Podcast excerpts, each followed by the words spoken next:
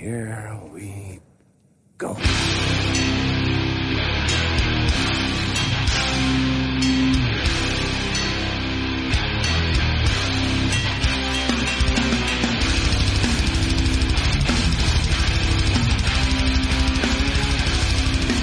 Sådär då, nere på noll avsnitt 135. Jag, Robin Lindblad, sitter här med Danne Nätterdal, Hejsan svejsan. David Olsson, Svejsan hejsan. på denna gråmulna tisdagsförmiddag när vi ska dyka ner i Tony Hawk. Spelen, soundtracken, banden och eh, historiken. Det blir jävligt kul. Spel som ligger mig nära till hjärtat i alla fall. Er också eller? Ja, men verkligen. Det var en institution på början av 2000-talet. Min, Ja. min eh, Jag spelar inte jättemycket ändå. Men kul att du spelar som inte skater. Ja, exakt. Alltså jag spelar det och jag spelar föregångarna i samma genre som vi väl ska komma till också. ja, Eh, för det finns ju bra grejer att hämta i soundtracken där och det roligaste var ju faktiskt att man kunde skjuta in själva spelskivan i CD-spelaren och eh, lyssna på låtarna. just det. Eh, men, fan det var ju länge sedan vi körde någon form av feedback eller hänt i veckan, så vi tar väl och dundrar ner i det först och främst. Sist var Ja, det ju... jag kan få börja med en liten rättelse Ja. från gammalt avsnitt när jag pratade om Royal Arms. Eh, vad jag menade var eh, tatueringsstudion och skivbutiken Open Arms. Eh, det här är ju en klockren freudiansk felsägning eh, eftersom vi har en krog här i Örebro som heter Royal Arms eh, som tydligen hade bränt sig fast på tungspetsen. Ja, ja. Open Arms, dra dit, kör järnet. Ja, vi fick ju in det senaste avsnittet, 134, var ju Misfits Halloween extravaganza. Och Magnus Tannegren skrev fantastiskt avsnitt, älskar hur man kan göra sitt samlande till en vetenskap. CSI Misfits. Dessutom kul att höra alla historier om inspelningar, versioner och annat obskyrt som jag inte hade en jäkla aning om. Misfits, bandet man upptäcker nya saker om 32 år efter man hörde Walk Among Us på kopierad kassett för första gången. Det var ju jävligt många som skrev där också, varför gjorde ni inte det avsnitt 138? Eh, vi var ju tvungna att synka det när fem personer från eh, olika städer skulle kunna samlas under ett tak. Men jag gick tillbaka i våran backlog och hittade lite andra avsnitt som inte var numrerade. Konstigt nog. Ja, men precis. Så vi kan, det kan också ha varit en undermedveten 138 där. lite, lite specialare som, som har halkat ur. Bland annat den, den eh, vad fan var det? Den eh, osensurerade sanningen om Gigi Allen. som, Ja, nog mer och ett... Det är Eh, inte så här två delar på massan. jo, Ja. men ett helt konceptavsnitt i början som, som inte fick något nummer. Nej. Så kan det gå. Så kan det vara. Skitsamma. Eh, vi har även fått, eh, vi pratar ju om svenska böcker om hardcore. Mm. Eh, två tips här nu då. En snubbe som heter David Andersson som skriver en bok om den svenska kängscenen som är på väg att komma ut i tiden här faktiskt. Eh, sen håller Passanen på med en fotobok om Linköping Hardcore. Ah, fan vad fett. Eh, så vi kanske kan eh, följa upp på det när, när böckerna är släppta och göra någonting. Ja, verkligen. Ja, har vi någon mer feedback eller ska vi gå in på... Ja, men lite från Swords-avsnittet. Vi pratade ju om Örebrobandet Norrsken. Eh, och jag efterlyste liknande band. Det här är ju lite utanför mitt, eh, min expertiszon med Stoner och Black Sabbath, osande retro, eh, psychedelic. Just det. Eh, fick in från Ante Ridderström, A Great Mammoth. Eh, band från Hällabrottet, också lokalt. Jävligt coolt namn. Jag vet inte, är det? ja. Det passar ju, man vet ju vad det, hur det låter. Ja, men alltså, det är beskrivande för hur det låter säkert. Och jag, jag Kommer från alltid, Hällabrottet, är lite coolt. Eller? jag har alltid tänkt att det var så här Norrsken rip-off bandet. Ja, Ehm, de ska tydligen ha varit samtida. Och sen fick vi också och, och in, bandet Sleep, som kanske var först Mm. med att göra Black Sabbath retro. De släppte redan 92. okej. Det är inte riktigt så full gone. Det här Boston som jag pratade om, det var ju också ett band väl? Tribute to Buffalo. Dedicated Buffalo to Buffalo. Boston är ju också ett band. Eh, ja, precis. Jag fattar inte det. Men det, det var ju såklart någonting som, något esoteriskt. Ja, som sig bör. Men vad fan, då hoppar vi in på Hänt i veckan då. Vi har mycket att beta av sen sist. Eh, eh, jag vet inte riktigt vilket, vilket håll vi ska börja på, men vi kan väl börja med de ikoniska japanska hardcore-punkarna Gizm, Just det. som ska göra en reissue på deras första platta Detestation via Relapse. Ute och slutsåld. Ja, det är så. Satan! Satan, då var vi för sent på den pucken. Eh, jag tyckte den såg jävligt clean ut på bilderna de hade släppt. Ja, nej men vad faktiskt, jag satt ju och hovrade över Relapse webbshoppen redan från torsdagen, eh, men jag lyckades ändå missa den. Ja. Eh, de, de gjorde ju lite olika limited, limited grejer, men fram, bland annat några varianter med en eh, bonussjua, Ah, som han ville haft som ett fint komplement till sitt original. var det någon... Eh, Och då sålde det slut direkt? Då? Ja, de, eh, de eh, limiterade varianterna åkte ju. ja, var det någon eh, release, eh, något releasefönster på den eller var det bara en pre-order med obestämd? Jag menar, det är alltid kul att följa upp de här eh, releaserna nu i de tiderna vi befinner oss i, hur lång tid det eventuellt tar och få ut skiten. Ja, nej jag hade inte hört någonting. Jag såg, jag såg på Instagram i torsdags att, att jag tror att det hade ha- kommit upp på Spotify och så började jag lägga ihop ett och ett och sen så började jag kolla. Och sen var den faktiska preordern kom väl upp på fredagen. Mm. Eller om det var köp direkt på fredagen. Men eh, slut som ett spjut direkt. Alltså har ni Turning Point reissuesen? De var jävligt coola ju. Ja, Eller att de skulle släppa all i samma ordning som det kom. Typ. Jaha. okej, det har jag inte fattat. Jag tror- Först kom kassetten, den har vi kommit nu då. Och sen följer de deras karriär igen. Aha. Jag Fan, förstår. det är ju rätt fräscht eh, omtag ändå. Alltså, Ja, för jag tänkte, för, för det finns ju redan, det finns ju redan en turning point, eh, den complete discography reissue som, var det Indecision Records som släppte den på 2000-talet? Så jag tänkte att det här var ju jävla tårta på tårta. mm. Jag tror demon är bara en kassett nu också, som det var. Ja, fan, då, Turning Point hade ju jävligt snygga grejer också. Jag för mig att den originalkassetten var så här schysst 80-talsfärgad, du vet, med gul och cerisrosa och sådana grejer. Men alltså det är kul ändå, jag vet inte, det är väl inte aktuellt när det just gäller Turning Point, men jag tänker på så här aktiva band och gamla band som kanske hade tänkt göra reunion nu och sådär, som inte kan göra det och tvingas till alternativa lösningar för att behålla liksom relevansen eller så. Jag tänker på Madballs collab med eh, Legendary Brand Jack Daniels. Nej, Eh, Great American Institution. Ja, så var det. Nej, men ja, precis. Ja, men man undrar ju om det här hade hänt om det inte var som Ja. det var. Liksom. Nej men det, det var jävligt skumt, vi kollade på ett litet videoklipp där med Fred Madball beskriver det här samarbetet. Och det är väl, alltså det är väl inte jättekonstigt att ett världsturnerande band som Madball får göra en, en collab, alltså det, sjuka var ju att han i en bisats säger att deras polares band, Brick by Brick, som är så här DMS tough guy band som är på CD-singelnivå, också har gjort den. Jaha. Då behöver man fundera på, är det någon på Brick by Brick som sitter, som jobbar på Jack Daniels PR-avdelning? Det måste ju Ja, vara det måste ju vara så. Ja, to be continued. Eh, Men apropå reissues då, eh, för övrigt så har ju Renounced, eh, har ju engelska Ja, ja för fan. de har, ju, de har ju, ska ju släppa en reissue på sin första platta. Jaha. Eh, Conditioned from Birth, som kommer på The Coming Strife. Så att de vill väl, eh, ja inte vet jag, det känns inte som att de har sånt, sånt kultfölje som Turning Point så att de kan hassla ut reissues. Men eh, Nej, och- intresset finns ju. Och, och, och, och vad känner ni? Känns reissues på saker som är släppta på 10-talet Ja, det befogade? känns lite skumt. Nej, nej eller hur. Är det Men- bara en ny press egentligen? Men det, det, det, det roliga i reissue, jag har, jag har massor med reissues här på min lista, men en grej som jag ser är jävla kul nu då. eh, Ett för framförhållningen. Men SSD har ju äntligen eh, lans, eller så här, annonsat att de ska göra reissues på, på The Kids Were Have Their Say, LPn och Get It Away 12 2022, 2023.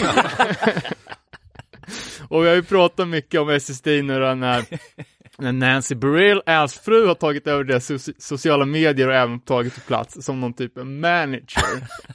För Al har ju varit av åsikten att var du inte med då, då förtjänar du inte att höra det.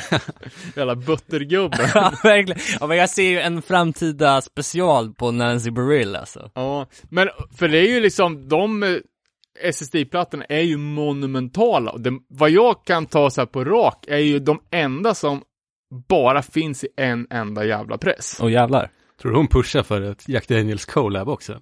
Och Springa har en egen liten smygplunta. Men är Al fortfarande arg på Twitter? Ja, det tror jag. Oh, jo, för fan. Nej, men så, så det är fantastiskt. SSD Reissue 2023, du hörde det först. Alltså.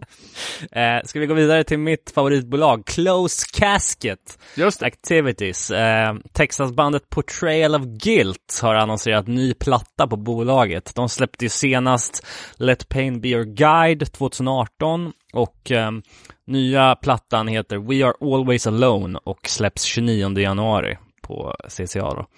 Eh, de har släppt musikvideo på två låtar faktiskt. Eh, It's Already Over och Masochistic Oath. Ja, utöver det då så så har vi, eh, jag såg att Integrity hade släppt någon Motorhead-cover.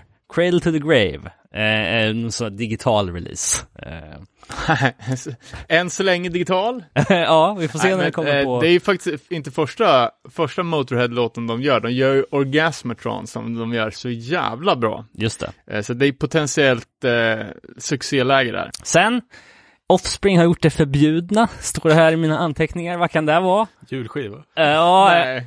De har släppt en ny låt som är en cover på Darlene Loves låt från 63, Christmas, Baby Please Come Home. Ja, eh, och den finns digitalt och släpps på vinyl 11 december. väntat. Eh, de hintar också här om att de ska släppa en ny platta 2021. De har väl inte släppt något sen inte än. 2012. 1994 i min värld. Nej, exakt. Nej, vadå? Dissa inte Americana. Sen så såg jag att eh, Hardy Flanagan gick ut och sa att eh, Chromags har nya låtar på gång. Ny LP 2021. Igen. Ja, han har sagt att eh, en låt som tydligen ska heta Chromags 2020 eh, är, är inspelad och klar. Och uppföljaren då till In the Beginning kommer släppas 2021 då. Det är lite ljummet intresse för det här eller? Ja, Ja, men såg såg ni inte att Paris har gett sig in i, han skulle bli den tredje personen nu då som ska kejsa runt med Chromags eftermäle. Eh, nystartat vad jag har förstått band som heter The Agros. ja, Skrivet med Chromags-fonten såklart. Den korta beskrivningen är ju Original Songwriter and Founder Paris Mayhew. Vilka är med med då? Ja, det vet man inte.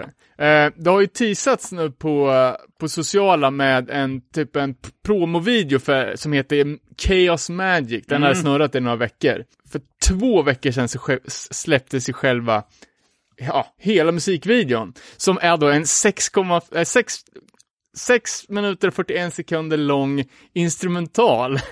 vad fan. Epic hardcore instrumental packed with riffs. No need for vocals. I videon ser man Paris själv, med, fast med fem olika ombyten. Och, och filmat så man, man ser honom samtidigt liksom.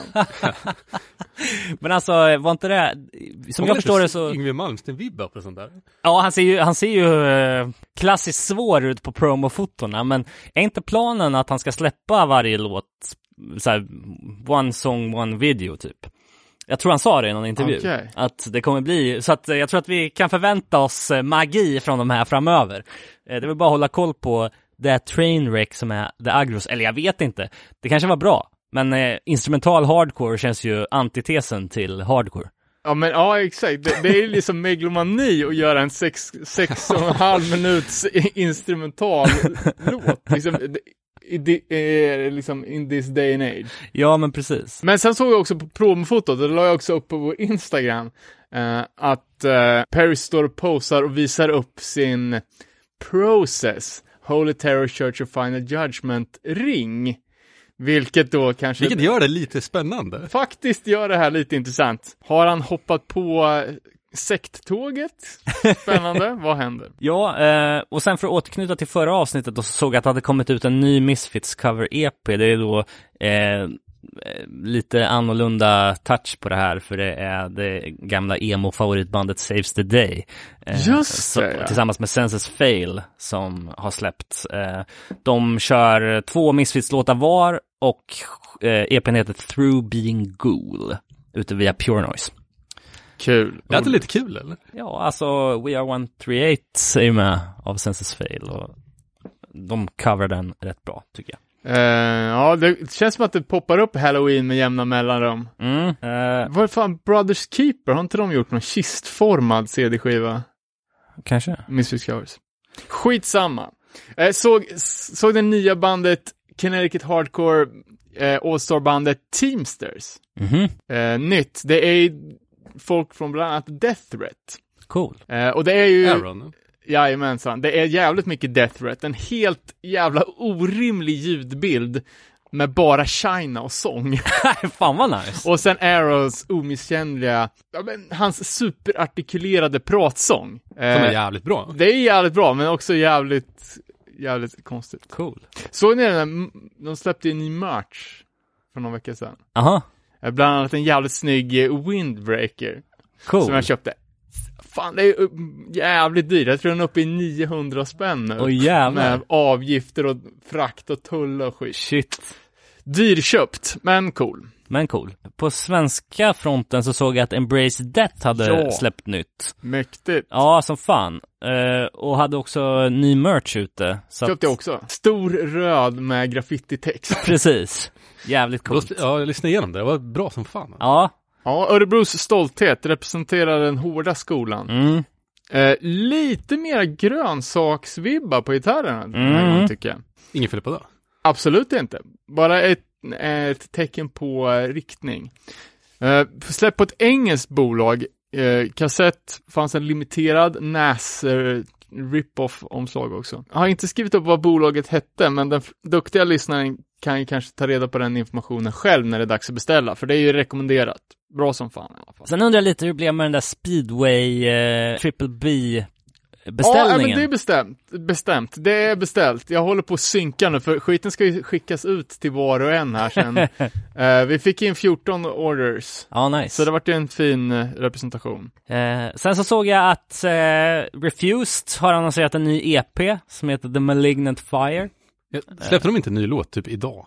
Ja, Eller här, en video? ja precis. En video på eh, låten Born on the Outs. Jag, hör, jag hörde faktiskt. Jag tyckte den var rätt så bra. Ja, eh, det är ju nu i dagarna som den släpps på eh, Spinefarm eh, och Destroy Records. Det verkar ju lovande. Ja. Sen så jag, det var ju från uh, War-plattan, så det är gammal låt. Ja. Men jag hade inte snappat upp bråhetsfaktorn i den när jag hörde den första gången. Pratar, Eh. pratar vi i podden om att de gjorde Swedish House Mafia cover? Eller vad fan det var? kanske du gjorde. De är nere med medelklassen. Ja, verkligen. Eh, nygammalt då, från Radio Rahim, reissue-bolaget som eh, plockar upp eh, lite obskyra grejer och paketerar om och gör snyggt. Eh, de har teasat på sin Instagram nu, de har inte någon webbsida längre. De kör bara social media. Två testpressar på kommande släpp och det är då The Worst och Krigkopf. Jaha. Eh, om det är bekanta namn. Eh, det här är ju 80-talsband. Eh, The Worst är ju ett New Jersey-gäng som släppte en sjua och en tolva på Mother Records, eh, ett konsert hardcore-bolag. Första sjuan låter ju, tycker jag, jävligt mycket Circle Jerks. Okej. Eh, och på LPn som kom senare, eller det- en tolva kanske, eh, så är det, det är mer, lite mer klapp-klapp Boston-stö. Eh, men det här är ju så här skit som inte går att få tag på för att det kostar, jag tror en- sjuan ligger ute på 12 000 spänn. Åh djävulen. Nu kommer det komma med någon snygg eh, ja, förpackning, eh, säkert en complete discography då, på, på de grejerna de släppte. Mm. Eh, och med någon mastig booklet som, som vi kan förvänta oss från Radio Rahim. Sen andra gänget är Krigkopf. Eh, New York-band som, ja, konstigt namn, jag vet inte. Gissar att de också, precis som Kraut, är tyskättlingar. Ja, ja, ja. Eh, men som, jag tror, jag tror de fanns från 85 till 87. Eh, precis där i mellanperioden mellan gamla New York och det som blev liksom New York Gung Hardcore. De släppte aldrig på vinyl och gjort en, en bunt eh, demokassetter. Eh, men det är ju ett jävligt bra och underskattat band. Eh, så det ska bli kul att få, få se vad, vad, vad de har grävt upp. Eh, Radio Him la upp en fet trave på, på, också på sin Instagram eh, med gamla mastertapes och kassetter. Så det är osläppt material alltså? jag, jag vet inte riktigt Nej. vad, vad, vad det kommer bli. Eh, men det finns ute i bloggsfären finns det ju massa med olika släppta Alltså typ digitala complete discographies. Eh, så de har ju gjort en jävla massa, massa inspelningar. Eh, och på den här Instagram-bilden så var det väl en tio olika källor då. Så det kan bli, kan bli dubbel-LP om, om man har tur. Vi fick ju in från Mark också när han skrev något om, och nu har jag inte det framför mig, men jag kan bara erinra mig någonting om att Scott Vogel ska flytta hem. Eh, och eh, vad händer med Terror, typ? Och hem är ju då tillbaka till Buffalo. Ja, Eh, och jag kollar ju upp, det är ju, en- eh, Scott Vogel startade sin hardcore-karriär i Buffalo, spelade med eh, Buried Alive och Despair. Despair, precis. Och flyttade sen till västkusten och, och, och starta, starta Terror som är super liksom LA hardcore. Eh, jag känner att flytten från Los Angeles palmer och eh, aldrig regn upp till Buffalo som är riktigt misär hål liksom fan uppe mot Kanada liksom. mm. Blir bistert. Svårt också att ha ett band när det är, det är ju 400 mil emellan. jävlar. Så Los Angeles, Los Angeles Buffalo, det är lika långt från, som från Sverige till, till mitten på Afrika. Fy fan. Så man, man kan inte liksom plocka upp honom i turnébussen på Nej, vägen, nej, utan nej. det blir ju, ja det blir ju, Det blir logistik. Släppte Ja. inte de World Be Free något nytt också nu? Ja, det blir spännande att se vad, vad som händer med Terror. ja, men eh, ta tanken som slog en direkt var ju att de kommer köra mer one-offs och kanske mer Europa. Festivaler i Europa. För att de har, de har ju lika långt till Europa som till varandra. Mm. Så att det blir inte så, kanske så mycket mindre klubbgig i, i USA. Nej, precis. Gissar jag. To be continued där. Eh, Jag har två, två grejer av, avslutningsvis då. Eh, jag, jag, jag teasar ju om det, kanske ingen som kommer ihåg, men att jag skulle hålla koll på nu inför det här presidentvalet som ingen har missat. Eh, vilka hardcore-personligheter som, eh, som går ut som Trump-supporters. ja, just det. Det blev inte så mycket med det. Nej. Men jag hittade i alla fall en. och det var ju Steven Yu eh, från Death before Dishonor slash Supertouch som, gick, som gick ut tidigt och jag bytte sin eh, profilbild på Facebook till, till en Trump 2020-bild och var riktigt gung ho Trump. eh, och bröderna Hughes eh, eh, det var ju Steven och Jimmy som spelade tillsammans med Mike Judge i Death before Dishonor. Eh, och och eh, Jimmy gick även vidare sen eh, och startade Judge tillsammans med Mike Judge. Eh, och Mike Judge var väl, var väl, la väl upp något klipp på sociala medier när han eh, reppar Antifa och, och citerar texten till Bringing It Down. Handlar om att klubba nazis med hammare typ. Så att eh, det kan ju bli lite, lite sli, slitningar där i när Death before Dishonor ska göra reunion. Spännande, bra att du följde upp det. det vi, vi tar tacksamt emot andra tips på folk som har trillat dit nu. I...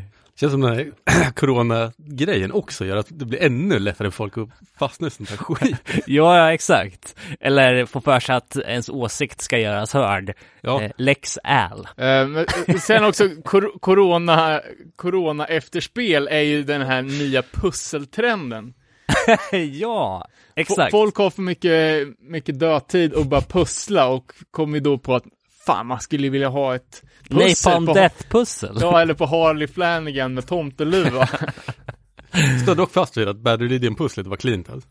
Det var det.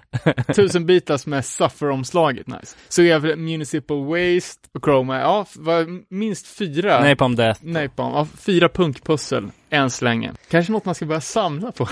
Eh, jag vet inte, ska vi avsluta med något ding-ding då? Det är ju det här eh, eh, ständiga kampen mot eh, Spotify. Union of Musicians and Allied Workers har gått ut eh, och sagt att de kräver att Spotify ändrar sin business model för att eh, artisterna får så jävla dåligt betalt. Eh, Spotifys kontring var att ni får gå med på att få mindre betalt mot att ni exponeras. så jag såg- jävla deppigt. Jag har ju varit corona-isolerad så jag har sett varenda fucking dokumentär på SVT Play. Ja, Inklusive en om eh, pirat, eller musikindustrin. Piratning typ. ja. Då sa de att de som började pirata musik var punkare och hardcore. Mm. Så typ där spreds jättemycket, det var där folk delade på typ Napster eller Kazaa eller vad fan det heter. Just det. Ja, men eh, jag minns eh, tidigt i min eh, karriär eh, så la- laddade man ner NoFX från Napster. Det var ju, Ja, men, ja, jag tror till och med de hade NoFX som något exempel. Men det ligger väl lite i naturen, alltså om man är inne på, ja men kanske och hitta nya band, gräva guldkorn, dela med sig, alltså tape trading, det är bara för, förlängningen på blandbandskulturen som har varit så stark Mm. inom ja, underground punk eller death metal-scenen och så här. Så att folk fortsätter att göra det de, med de nya verktygen. Känns väl inte helt otippat. En annan grej som är jävligt ding-ding då, eh, det var ett case mot Live Nation, den här stora festivalorganisatören och spelningsorganisatören i USA. Det här är bara en liten parentes då, men det är lite kul hur det funkar i USA. Eh, det var en kvinna som dog av en drogöverdos på en eh, festival som Live Nation hade i Kalifornien 2015. Eh, uppföljningen till det här då blev att eh, hennes familj stämde Live Nation då eh, för att eh, det är upp till Live Nation att se till att droger inte cirkulerar på festivalen. Rimligt. och, eh, och den slogs då först ner i en instans, men nu har den faktiskt godkänts som stämning liksom eh, i det amerikanska rättssystemet. Så att eh, om någon tar droger på en festival, så det kan bli ganska stort då om den, om den liksom, om de, om det blir ett utslag och att de inte settlar, liksom så kan det bli, Ja, det känns ju som att Live Nation kommer betala ut det här. ja, för att shit, tänk att eh, det är upp till festivalerna att se till att folk inte tar överdoser på sina festivaler liksom. Ja, eller om, om man åker dit i en drug bust. Då Ja. man liksom bara, "Vad? jag är på festival, det är deras Precis, problem. Jag har precis. inget med det här.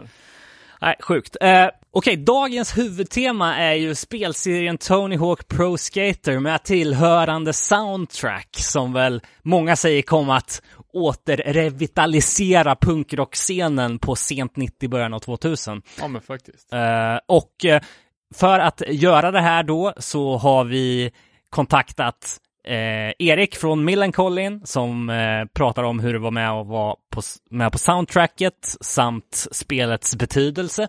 Eh, men framförallt då också även en eh, dokumentärmakare som eh, jobbar med en eh, uppkommande dokumentär om spelserien och eh, dess inflytelse. Ja, ja, jag kände inte till det här innan, men den är ju inte släppt i Sverige ännu. Mer om det senare. Ja, men först då ska vi ta och eh, ge lite bakgrund till det här. Ni har ju koll på Tony Hawk, jag har koll på spelserien. Ja, så men att det är eh, väl perfekt. mannen, myten, legenden, Tony Hawk. Eh, Tony Hawk är ju, ja, han- det är ju världens kändaste skatare. Han är Men väl är han världens kändaste på grund av spelet? Typ. alltså. innan också, skulle jag säga. Han är väl Men lite, då var han känd i, det är ju jävligt små kretsar. men han är ju f- Efter f- spel- för, han är ju, vad Adolf Hitler är för nazismen är ju Tony Hawk för skateboard. Han är ju ansiktet utåt. Eh, han var ju ganska, ganska snabbt en liten allmän, såhär, allmän frontfigur på grund av att han var jävligt bra, han var ganska uppstyrd och eh, han var ganska tävlingsinriktad så han syntes mycket ut. Eh, men eh, för gemene man så, så är ju, har ju tv-spelsserien gjort mer för honom än hans skateboardkarriär. Har han några meriter från till exempel X-Games på CVt eller? Ah, ja, massor. Ja. Eh, Men han blev ju börja skata på sj- 70-talet. eh, ja, Och eller, kanske pika 80-talet. precis. Första vågen skateboard. Men om man, man kollar på hans, eh, liksom, eh, Wikipedia, typ på features, så ser man att han har varit med i CSI, han har varit med i The Simpsons, spelfilmen Gleaming the Cube, eh, och eh, Polisskolan 4, eh, där hela eh, Power Pro Alpha-teamet kör i intro-delen av filmen Cool. som har gjort extremt mycket för att, alltså, fick en hel generation kids att börja skata efter att ha sett den. Eh, så han är ju liksom en, en superkändis. Och som David sa alldeles nyss, han var med på Skavlan. Mm. Eh, och pratar med, om skateboard för, eh, liksom, medelålders eh, kärringar där ute i, i etern. Eh, så han är ju, han är ju superstor. Men han har ju alltid varit lite av en mom's boy, liksom, han har ju haft en he helig clean cut American kid attityden. Men det har ju dykt upp, eller liksom man har fattat så här lite i efterhand att han har varit, eller och fortfarande är ett punkfan. Han verkar framförallt vara musikintresserad. Säkert att han spelar gitarr också hemma, har en massa dyra, Förmodligen. dyra gitarrer. Eh, för Ja, men, var, men att han själv har, har let, ja, men, är intresserad av musik. Ja. Eh, För Tony hade, hade ju alltid ett litet beef, eller det var väl inte så mycket han som drev det här beefet. Eh, Men en av hans ärkerivaler, Dwayne Peters, eh, som är lite, ja men mer åt tuppkampspunkarhållet, var ju den personen som säger bara, ah, Dwayne Peters, det här är punk skateboard. Tony Hawk, det är ju liksom tävlingstunt knäskyddskillen. Nu har ju det här eventuellt eh, vänts lite grann när Dwayne Peters har, har han har ju dessutom kommit ut som super Trump-supporter. Alla hans inlägg på Instagram handlar ju om Trump i princip. Och det osar ju psykisk ohälsa. Uh, men alltså eh, Tony Hawk verkar ju mer och mer likable och eh, en en, en, eh, en, en skön jävla gubbe. Eh, men det eh, är från det här Tony Hawk, Dwayne Peters beefet. Så eh, Dwayne Peters är ju eh, liksom några år äldre. Och, och tillhör ju liksom det gamla gardet. Sen kom det en, en lång smal spoling och blev helt plötsligt jävligt bra. Eh, och då försökte Dwayne Peters liksom bara, ah, men varför gillar han inte honom? Ja, han fuskar ju! Han gör ju ollies in till tricken, och det är ju fusk! Det får man inte göra, man ska ju rycka med handen! Och man kan väl se så här i backspegeln att, att göra ollies in till sina trick blev ju kanske det mer gängse då än att, än att rycka brädan. Så det var lite som före och efter V-stilen. Ja men typ. Men Tony Hawk verkar också ha varit någon typ av gamer. Jag har också sett dokumentären. Jag, jag tror säkert att eh, alltså spel och skateboard och eh, liksom så här BMX och lite sådär, det är ju, eh, det har, genom historien så har det ju gått hand i hand. Alltså några av de första datorspelen som kom var ju liksom skateboardspel, om än i eh, väldigt orealistisk form. Så, när vi pratar om eh, Tony Hawk-spelet så, jag har en liten teori om varför det blev så framgångsrikt. I jämförelse med till exempel då eh, andra spel som har haft kändisar inom sitt skrå på omslaget. Eh, för att Ja men alla, det är väl det klassiskt alla sportspel. Tänker Mike Tysons Punch-Out och... Ja, men exakt, exakt. Ja, Mike Tysons Punch-Out, där var det ju one of a kind tidigt i en, eh, i spelhistorien kom det. Det är ju första boxningsspelet i princip. Och sen att de fick, de tog ju i princip bara Mike Tysons namn och satte på omslaget. Han var med i spelet också såklart, men, men jag vet inte om han gjorde någon egen promotion. Det är ju det som alla, jag som följer spel media, speljournalistik, alla pratar ju så jävla varmt om just Tony Hawk liksom. Eh, många som skejtade när de var yngre men inte gör det längre. Tony Hawk är fortfarande en så pass det är liksom som Wayne Gretzky inom hockeyn, liksom, inom skateboard. Och alla ja, blir som fan små bra. barn när de får prata med honom. Eh, och han är så himla generös i sin tid och sina intervjuer som han ger. Och inför Tony Hawk Pro Skater så åkte ju han på en mediaturné för att promota det och gjorde jävligt mycket liksom så för att dels fondla alla journalister så att de skulle skriva bra om spelet, men också att det var det första som kom som var liksom mer fri friåkande i spelet liksom. Tidigare, innan Tony Hawk, så hade vi att göra med spel som var ganska raka i sin form, alltså Segas Top Skater eller EA Street Skater där man bara åkte rakt fram och gjorde trick. Här var det lite som open world, skata runt, göra trick, det var tajta kontroller, bra bandesign, warehouse, liksom, bra fysik, soundtrack som liksom satte känslan. Men där de också lyckas ju fånga scaleskit-kulturen utan att det blir pannkaka av allting. Ja men exakt. Eh, och mycket av det tror jag är, eh, vilket också var Tony Hawks idé, för han var ju ganska involverad i det här spelet. Han hjälpte till med, han, han kom på idén att ta in riktiga skatare istället för att göra några så här generiska fiktiva spelkaraktärer. Eh, han var med och utformade modellerna så de skulle se så verklighetstrogna ut som möjligt. Han var med och gjorde tidig motion capture, men eftersom att motion capture var så pass omoget för den tiden så fick de scrappa allting. Men det finns några sköna bilder på Tony Hawk i någon slags svart pyjamas från 99 liksom. Jaha, då, man sätter ut eh, punkter på... Ja, exakt. Jaha, det, det var så jag trodde spelet var uppbyggt. Nej, nej, Alltså, nej. Eh, de, de gjorde massa, men de fick göra det, för, de fick ta bort det för att det höll inte måttet. Så fick de animera allt från hand och det är därför det ser så jävla konstigt ut när man står still och karaktären står så här liksom. För att det, ja, Men eh, man, man fattar ju att Tony Hawk har ju varit superinvolverad i det här. Han Mm. måste ju ha, ha, han har ju gjort ett jävla hästjobb alltså. Eh, och eh, spelutvecklarna själva kommer ju inte från skateboard. Så han Nej, måste ju ha nej. lärt upp en hel jävla armé av eh, hackers. Och bara få tricknamn rätt.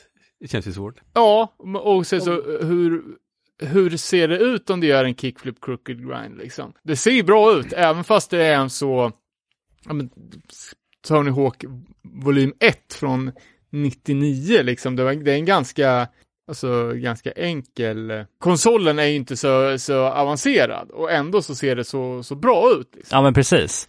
Neversoft som utvecklade första Tony Hawk Pro Skater, de hade ju tidigare gjort mer skjutarspel. De hade året innan släppt Apocalypse som också är så här Bruce Willis på omslaget eh, och så här tredjepersonsskjutare. Men det var ju det som var så kul, för det finns ju bilder från utvecklingen av Tony Hawk Pro Skater där istället för, innan man hade Tony Hawk som frontperson så är det ju faktiskt Bruce Willis som skatar, ja, skatar runt. På, på promon där. Ja, där, där exakt. jag aldrig fattat var, varför han var där. Eh, nej, de, de gjorde ju ett spel med honom. Men tror du han fick betalt för det eller?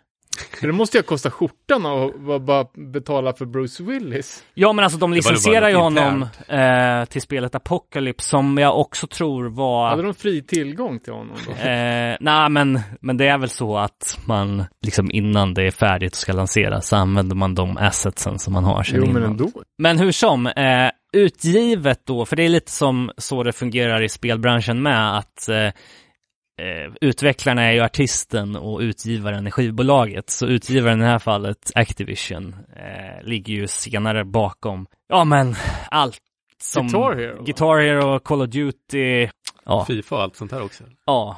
Eh, nej, inte Fifa, det är EA. Men eh, de, de är ju en stor gigant nu för tiden liksom. Och eh, de har ju gjort en grej av, med alla sina spelserier, Guitar Hero, Call of Duty och även sen då när Tony Hawk börjar gå ut för att man kör det här med årliga releaser. Liksom, och då urholkar IP skulle jag säga. Ja, okej. Vilket var... fan, det tänkte jag på att det kommer ett spel om året, typ. Mm. Känns som ett, ett nytt Call of Duty kommer ju för fan var tionde år nu för tiden. Nej, eh, Call of Duty kommer ju fortfarande varje år. Okej, Sjukt rättelse, jag köper ett nytt Ja, ja men exakt, och det är väl lite så de tänker att alla är inte lika sugna på att uppgradera varje år. Så det är liksom, det är, man är ju så själv med sin telefon. Man uppdaterar den var tredje, fjärde år. Så, men det, Men det finns är en, sjukt för, för att eh, man tänker att det måste ta ett jävla tid att bygga ett sånt här spel. Ja, Men men måste det, de ha så här olika gäng som jobbar med spelet omlott liksom? precis. Det är väl så de gör kod till exempel. Ja, exakt. Eh, jag tror att samma studio släpper ju ett nytt kod var tredje eller fjärde år. Men sen har de ju ett studio som alternerar då release-schemat liksom. Så det är ju en jävla apparat. Men Tony Hawk Pro Skater då, det är ju eh, ett antal karaktärer med eh, plus ett par hemliga också. Ja, som man kan välja på, men Hade du spelet eller? ja för fan. Det är klart. Men jag skulle säga att Tony Hawk Pro Skater 2 är nog det som jag har spelat mest. Men självklart, eh, ettan är ju en odödlig klassiker. Både i spelformen men också soundtracket. och jag tror inte, finns det något tv-spel som är mer synonymt med musik? Men de sa ju i dok- Guitar Hero. Ja, sant. Men de sa Eller ju i, Let's Dance, eller vad Ja, skitsamma. Ja. sa de inte i dokumentären att det var typ det första spelet som hade alltså, riktiga band som musik? Nej, Nej, det Det var det inte. De hintar ju typ det. Ja, men... Eller de kanske var bland det första. Eller? jag eh, tror inte att det var, att det var supervanligt, men jag vet att det var andra som, som hade, som hade riktiga soundtracks. Ja, ja, ja, för fan. Eh, det, det finns många exempel på eh, Fifa som hade eh, och liksom bara ett, annat skatespel som jag gillar, Street Skater som kom året innan. De har ju för fan H2O, Eye Against Eye och Less than Jake på soundtracket. Ja, men eh, jag tror att The Street Skater är, kommer, kom efteråt. Nej, You sure about that? ja. 22 oktober 98. Kanske i eh, Europa. Ja, Men- för det här, Tony Hawk kommer ju 29 september. Nej, 99, what the fuck? är det sant? You betcha. Men där, skillnaden är ju då att Street Skater Ja, Okej, är det, släpp, linjärt. slä, liksom. släppte, släppte i Japan, släpptes efteråt i, i Europa. Mm. Men det var ju mer svårt, eller hur? Street Skater? Ja. Ja, och mycket mer liksom eh, orealistiskt. Alltså, Men om jag ska, om man ska ta och basha Street Skater lite då. För att eh, Tony Hawk, de jobbar med det här spelet i tre år tror jag. mm, Eh, och att det redan under utveckling fick en jävla buzz. Då känns det som att de andra speltillverkarna hoppar på tåget halvvägs och försökte göra, göra sin egen variant. För det är sjukt att det ska komma ett, ja det kommer ju ett Thrasher eh, spel också, som bara hade hiphop på sitt soundtrack. Men att det, att det kan komma tre oberoende spel under samma period verkar helt orimligt. ja, men det där tycker jag man ser i alla olika sammanhang. Kolla i på filmer. filmer, liksom. Eh, Det kommer ju... Kommer en katastroffilm kommer det tre. Ja, Okej, så, ja, så de, ju... de hör vad, ja, sen, Kommer det en biten skiva kommer det tre. Exakt. eh, sant. Men Ja, sen- men åter till, åter till Tony då, eller hade du någon mer på, Jag vet inte, eh, de mest profilerade valbara karaktärerna är väl ändå Bob Burnquist och Andrew Reynolds ja, i första spelet. Eh, I jag alla vet inte fan, var det någon som spelar med Bob Burnquist? det känns som att, Till och med då tyckte man, jag tycker han är ganska clean nu, ja, men då tyckte man att han var rätt töntig. Ja, nej men alltså, Ja jag, men han är ju ändå en, alltså jag tror att det är fler som säger, känner till Bob Burnquist än typ Bucky Lasek. ja men det är då, Ja. Bucky Lasek och Bob Burnquist är de, de karaktärerna i spelet som åker vert och som är personligt tajta polare med Tony, Tony, Hawk ja. också kör värtramp. Och därför har han blivit tvungen att ta in det så att, han inte, att inte bara han omgivet av en massa streetskatare. För jag menar, Bucky Lasek, eller Barky Laser som honom för. Alltså det är ingen jävel som bryr sig. Är det någon som har spelat Tony Hawk med han som karaktär? Nej, Nej. Det, vet fan. Men däremot är ju de andra, det är ju Cream of the Crop, de bästa och coolaste streetskaterna. Det var kul att Jamie Thomas sa i dokumentären att han var tveksam på att vara med, för att det kändes lite töntigt. Jaha. Och det, för, det förstår man, det är ju en jävla chansning att hänga ut. Alltså innan man vet. Ja, ja, ja, för fan. Eh, det är säkert, eh, var inget snack om, om att alla ville vara med i nummer två. Men vad, att gå ut med sitt namn för en sån grej Mm. innan man vet om det flyger är ju lite av en chansning. Ja, men verkligen. Ja, speciellt om du har någon image av lite punk-alternativ. Ja men verkligen. Var också, ja, har du, det var, blev en succé, eller hur? Ja, ja, för fan. Alltså, det var väl nästan direkt som att det påbörjades utveckling av en uppföljare och eh, Men det var, de, Tony också att han blev erbjuden en halv miljon dollar för att bli utköpt. från eh, spelserien. Eller? Ja. Jaha, eller oh, inte få royalties, eller Nej, vad, nej, vad nej. han nu får. Precis, precis. Låter som en Leif Loket Olsson Bingolotto Ja, exakt. Den, den klassiska storyn, ja. Eh, men han, han har ju blivit eh, multimiljonär på den här spelserien. Alltså. Ja, för han sa ju det att eh, jag har aldrig, alltså den typen av summor har liksom aldrig figurerat i min värld. Nej, Men vid den här tidpunkten, när han fick erbjudandet, så kände han att han hade lite kommersiellt uppsving. mm. Eh, och det var i och med lanseringen av den nya tävlingsserien X-Games. Mm. Som, eh, också var lite töntigt i början. ja, men det var ändå, alltså X-Games blev ju så jävla stort. Och Tony Hawk var ju liksom bäst i världen på vert vid den här tidpunkten. Så han visste väl att han hade ju en säker guldmedalj. Ja, ja. Eh, och så lyckades då X-Games att bli från kanske en, liksom en, inte vet jag, en ambulerande tävlingsserie på bakgårdsnivå till att bli, alltså jag har ju hört att X-Games är större än OS. Mm. Eh, I, om det är ändå i, i streams eller i pengar eller, men det är i alla fall uppe i de, de eh, i den ligan. Mm. Och eh, en annan slump då som, som hände för Tony Hawks karriär var ju att han satte det legendariska tricket 900 på skateboard, alltså två och en halv varv, som ingen hade gjort och som har varit liksom en fantasi, ett fantasimove i liksom, i sekel. Han satte ju det här på sommaren där och det var ju ett sista minuten-trick som de la in i spelet. För att spelet kom på hösten, han satte det på sommaren där. Så att det var bara en, liksom, du fick patcha in det i sista minuten. Eh, och liksom just ett sånt visuellt trick som alla kan relatera till och som hypades upp Ja. något djuriskt. Liksom. Det är tydligt om inte annat. Även, Och, och så, så då, han- då kände man det, han, han det att jag har en jävla drag under galoscherna här, jag ska, jag ska vara cool och eh, jag behöver inte släppa det här för en halv miljon dollar, utan jag kan, eh, jag kan let it ride liksom Mm. och se vad, vad det tar mig för att nu har jag flyt. Om vi ska gå in lite på musiken då. Första spelet eh, har ju eh, tio låtar i sitt originalutförande. Sen finns det lite bonusspår, det finns lite mergers och lite sådär. Men Är det hela låtar? Ja. det är det. Var det där på Nintendo 64 också? Och bra fråga, för Nintendo För jag tror 64... att jag spelade där och att det kanske inte var hela låten. Nej, exakt. Nej, för att eh, låtarna som är med i spelet, det gick ju att spela eh, CD, game-CDn kan man ju köra i stereon som, Mm. en, som en musikplatta. Så det är möjligt att vi har blandat ihop lite och att man inte kan höra hela låten i spelet. Jag tänker om en bana är två minuter lång och låten är 2.40 så kanske man inte får höra hela låten. Nej, precis. Men eh, Jag ska inte, jag ska inte ta gift på det, men vad jag kommer ihåg så, så hörde man hela, hela låten i alla fall. det vi vet, det är att vi har ett eh, soundtrack med blandad kvalitet, men med några riktiga bangers alltså. Ja, nej men jag, jag är ganska övertygad om att det är Tony Hawk själv som har satt ihop det här soundtracket. Eh, Baserat på sin eh, kärlek till punk, men också kanske lite dåliga smak. Som man har då anat i Tony Hawks eh, klädstil och eh, liksom allmänna hållning.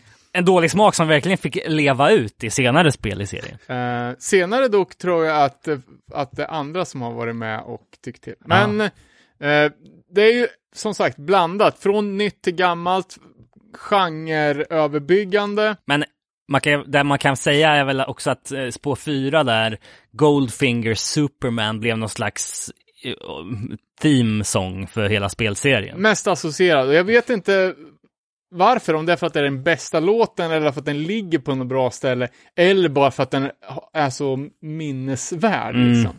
Den är jävligt catchy. Det är den ju verkligen. Eh, Vad tycker ni? Är det en bra låt? Alltså man blir på bra humör av den. Det är som med all så här eh, punkska, liksom. Man blir på bra humör. Eh, ja, jag, jag ha- hatar den.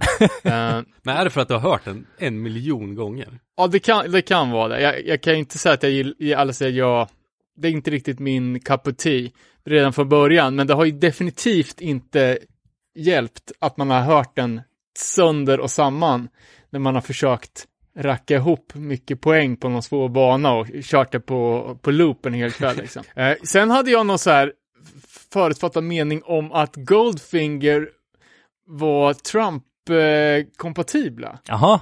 Blandar du inte ihop dem med, vad fan heter de? Ett annat sånt här band. Nej, för, för jag för mig att, att det var någon jävla, när, när Trump gick på, så att det var inte någon som spelade typ Superman då. Smash Mouth tänker du. Var det det? Eh, ja men de, där har, Trump-vibesen är ju totala där. Eh, och jag tror att anti-covid-grejen är total också. För att jag har för mig att jag hade i en Ding Ding Värld här för n- några månader sedan att Smash Mouth hade spelat på någon festival i USA där de typ hade kunnat konstatera att det var minst typ så här 50 000 fall av smitta efteråt. och att det var en sån här, ge fingret till etablissemanget, vi ska ha våran spelning ändå liksom. Är det ska? Jag vet fan om jag hör. Smash Mouth, nej men det är ju paj, rock. Och jag har sagt det att någonting Smash Mouth-relaterat var mitt första jobb för Burning Heart. alltså, Nej, sjuk jag tror inte att de höll på med sånt här annars. Men Smash Mouth var ju någon up and rising på något sätt. Spåddes bli någon typ av, eh, ha, eller, ja men eh, major, major grej. Allmän radiohit. Vart det kanske till och med? ja Sambar, den är ju... För det, det här var tidigt, jag vet inte fan. Av någon jävla anledning så hade Burning Heart fått nys om alla som hade köpt biljetter till någon jävla spelning. Typ en mailinglista och vi skulle skicka ut någon skit till dem. Typ postorderkatalogen, en sticker eller någonting. Åh fan. Så jag fick, så jag gjorde, jag gjorde det hemifrån också. Så Jaha. jag fick hem typ någon så fet jävla kartong med olika promopack eller någonting som man skulle packa och posta till typ 5000 pers. Fan vad spännande. Jävligt udda. Smashmouth-register. Ja, jag menar det. Vem, vem betalar man för att få tag i Smash Mouth-registret? det är en dokumentär, se vad som har hänt. Det är för fan, eh, ja verkligen. Det är så här, du kan ringa hem till folk och, nu och bara, jag såg att du köpte en Smash Mouth-biljett 94. Nej, nej, nej. Nej, det var inte jag. Danne Nätterdal från Uppdrag granskning. Ja, ja, skam, skam grej. Fick ju in en fot i, i bolaget i alla fall, så det var ju bra. Eh, men Goldfinger verkar ju, det här var, var ju någonting som jag hittade på själv, och hans sången verkar vara djurrättsaktiv och eh, riktigt eh, trevlig prick. Var det inte vi som var inne på att Miller gjorde någon turné med dem i Australien för något år sedan? Möjligt. Jo, kanske vi har Jo, det pratat känner jag om. också igen. Eh, Ja, jag vet inte fan. Men, eh, så jag måste ha som vanligt blandat ihop det med, med, med något annat. Eh, och sen så eh, Speed Dealers eh, Screamer och eh, Nothing To Me blev ju ihop-mergade till en låt i någon variant av eh, släppen också. Eh, bara för att göra ett längre spår. Ja, jag förstår. På, på soundtracket är ju en av de mest gedigna låtarna ever med, och det är Dead Kennedys Police Truck. Mm. Eh, spelar ingen roll hur många gånger man har hört den låten, för den blir fan inte sämre för det. Ja, verkligen. Är det lite Spe- otippad att vara med eller? Där, där känns För att den är så... lite Ja, edgy typ eller? Ja, Om det här men- ska vara ett mainstream-spel. ja. ja, men alltså det Ja, är ju en ganska grov låt, antipolislåt, och den handlar ju liksom, ja men beat you blue till you shit in your pants, så det är Mm. lite så här foul language. Eh, Men man kunde ju skata som Officer Dick till den, vilket var lite kul. Ja, exakt, men polishatet lever. Den här lilla, lilla, lilla minirebellen som lever inom Tony Hawk kommer fram. Eh, men som, eh, som, precis som låten I fought the law, så handlar den här låten om ett verkligt rättsfall. Ja, det är, är om snutar, jag kommer inte ihåg var, jag för mig att det är söderut. Eh, någon sydamerikansk Jag läste också sydstat. det. Oakland. Oakland, så, som, då är det västerut då, eh, som systematiskt gruppvåldtog eh, sexarbetare i skåp, eller liksom polispiketen. Mm. Så eh, skapligt grov låt att ha med i liksom ett eh, familjespel. Eh, intressant också att Dead Kennedys är med. Eh, för då, Jello Biafra har ju konsekvent vägrat alla typer av samarbete med sin musik. Eh, och eh, när övriga Dead Kennedys ville ha med Holiday in Cambodja i en Dockers reklam, det var ju det som utlöste det här bråket som slutade med att de stämde skiten ur varandra. Och eh, att Yellow Biafra förlorade rättigheterna till Dead Kennedys-katalogen. Men då kan jag säga, det här kom till mig nu. Jag tror fan att Anti-Flag har gjort en cover på Holiday in Cambodia som är med i typ Fifa. Eh, ja, Men då har ju de för, förhandlat med East Bay Ray och ja, exakt. Men det är full circle där. Fan, fan vad, vad taskigt egentligen. Men det, det är konstigt för att, alltså, det här var det enda reklamsarbetet som Yellow okejade. Och det känns ju bara, det är su super, eller sen nästan lite coolt att ha med, eller det är coolt att ha en låt med i det här. Men typ som att vi är superskeptiska till att, ja men Refused hade en, de gör soundtracket till den här nya Cyberpunk. Exakt, och att det blev någon Porsche-reklam Mm. och allt det där. Känns super sellout. Men typ stalinister som Rage Against the Machine kan vara med i det här mångmiljardprojektet och ändå känns super legit liksom. Eh, ja, i Neversofts spel innan som vi snackade om med Bruce Willis, eh, där är ju System of a Down med på soundtracket och de är också liksom vänster X, förutom trummisen då. Men... Men bandet kanske tänkte att det här är, det är ingen, det här kommer aldrig bli någonting. Nej, men exakt. Eh, Men... men Skitsamma, gör vad ni vill. jag menar, för många av dem, de är väl säkert samma generation som Tony liksom. Och har följt honom. Och liksom, om han kommer och frågar så, Sant. Pratar om all jävla nu metal som är med då? Är det det? Typ. Eller vad är det då? Primus eller Primus, det är någon typ av knasfunk. Eh, och jag vet inte riktigt vad, knasfunk. ja men typ Ja. funk metal slap bas. Eh, och jag vet inte om de har någon liksom mycket kärlek i skateboardscenen förutom från Pat Duffy eh, som var en totalt groundbreaking streetskatare som körde för Plan B och som i sina videodelar alltid rappade Primus med t-shirtar och, Okej. och musik i, i hans videopart. Eh, Men det är jävligt speciell, spe, jävligt speciell musik. Mm, verkligen. Eh, Kan inte säga att det är superbra direkt. Nej. Men, eh, Jävla kackigt. alltså. älskar ju Pat Duffy så att eh, det, får- det får... Det får Gillar Duffy. får- Hatar såna jävla funkbas. det, och det är lite, lite noise också i Unsane och sådär. Ja, Unsane är ju, de är ju från New York, borderline hardcore. De, Mm. Så att du la upp en bild när någon hade en Unsane hoodie. Ja, ja men precis. Men Eh, bullerrock har du kategoriserat som. jag, jag har några skivor men jag har aldrig, aldrig fattat det liksom. Det är lite för, det är nog post-hardcore liksom. Har de gjort en musikvideo med Skate Slams? Det vet jag inte. Men de ligger ju väl på Southern Lord nu för tiden tror jag. Okej, det var som fan. Mm. Ja, jag hänger inte riktigt med i Ein- Insane. eh, eh, sen har ju Suicidal Tendencies med en låt. Och där har vi en skate... ju givet. Ja, det är ju en skate, eh, Ja. liksom.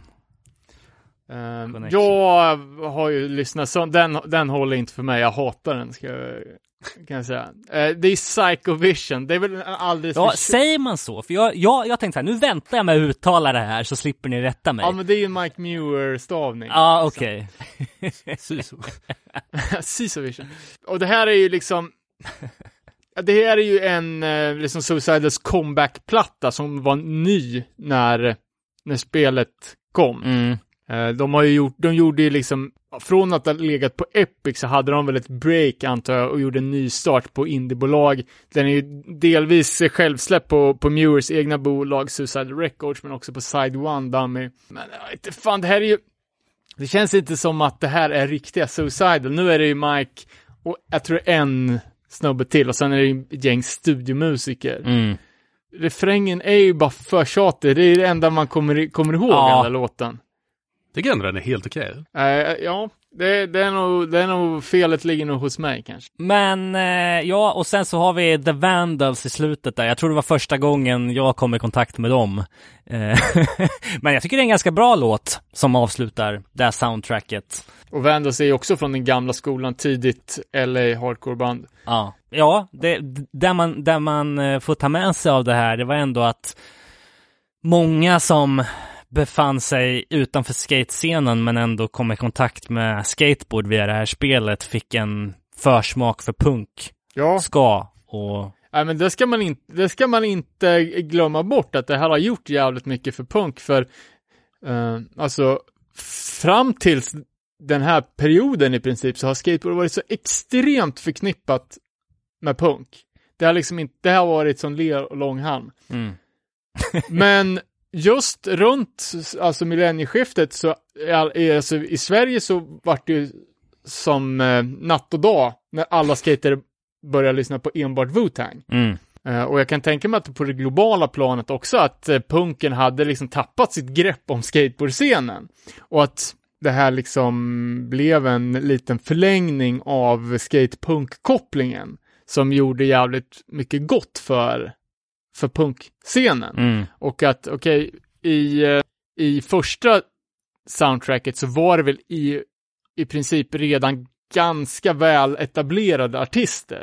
Alltså Dead Kennedys visste ju alla om att de fanns. Så Suicide, superlegendariska Vandals också liksom Mm. hade säkert släppt sex fullängder vid det här laget. Men i senare spelserien att band som 25 to Life har med en låt liksom, det är ju, Fantastiskt. ja, det är ju så jävla, alltså 25 to Life har ju spelat för max soppapengar och sen helt plötsligt får de vara med i världens största tv-spelsfranchise. Det är ju rätt så sjukt. Verkligen. Eh, och det här första soundtracket är väl det som är, vad ska man säga, rent genremässigt mest konsekvent, även om det är jävligt svajigt. För att eh, det befinner sig, det, ja men alltså det befinner sig ändå i det liksom gitarrbandträsket liksom. Till skillnad mot senare spel i serien där man lyfter in helt andra genrer. Ja, fast det, det, kommer, det kommer komma mer renodlade soundtracks också, tycker jag.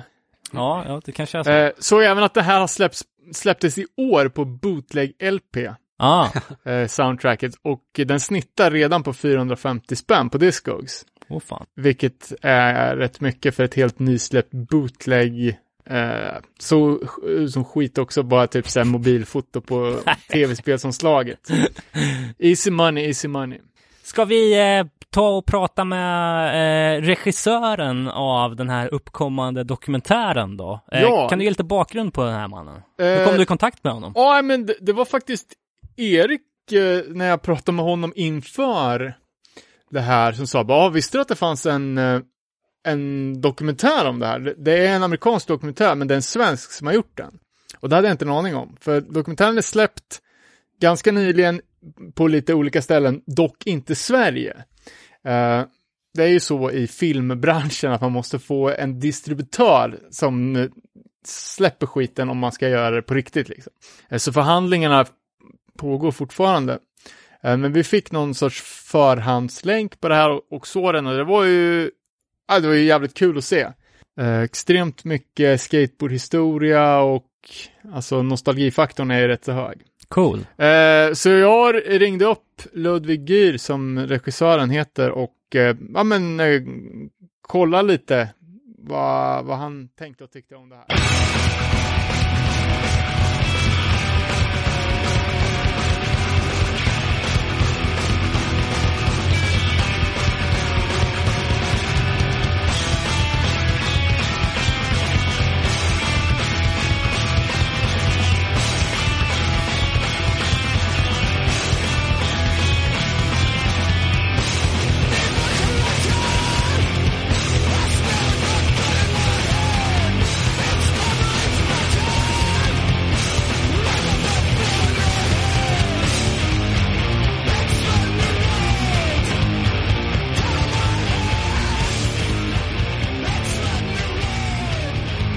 Och med mig på, på länk här har vi Ludvig Gyr. Tjena! Ja.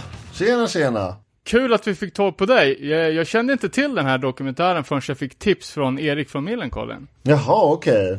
Där ser man. Eh, men eh, vi har ju sett den och den var ju jävligt eh, bra. Ja, tack så Eh, mycket. hela, hela, hela Tony Hawk-spelet är ju förknippat med extremt mycket nostalgi och ja, det är ju det är en stor del av ens eh, uppväxt. Och så Mm, är det för en hel generation skulle jag vilja säga. Ja. Eh, berätta lite, lite snabbt om, om dig, ditt liv och din bakgrund och karriär och sådär. Nej, men eh, om man ska ta i relation till Hawk's Pro Skater så började jag väl spela när jag var fyra år. Då tror jag det var tvåan. Jag körde först och sen trean då när det kom ut. Ehm, och jag blev liksom direkt besatt. Och eh, det var dessutom något som mina föräldrar ehm, tyckte var ganska kul. För min pappa som då har spelat mycket punk och rock och sånt där. Han fick ju höra så här gamla klassiker som Dead Kennedys och Motorhead i spelet. Och han tyckte det var jätteunikt. För innan dess hade han ju bara hört liksom Mario chip-låtar ungefär i spel.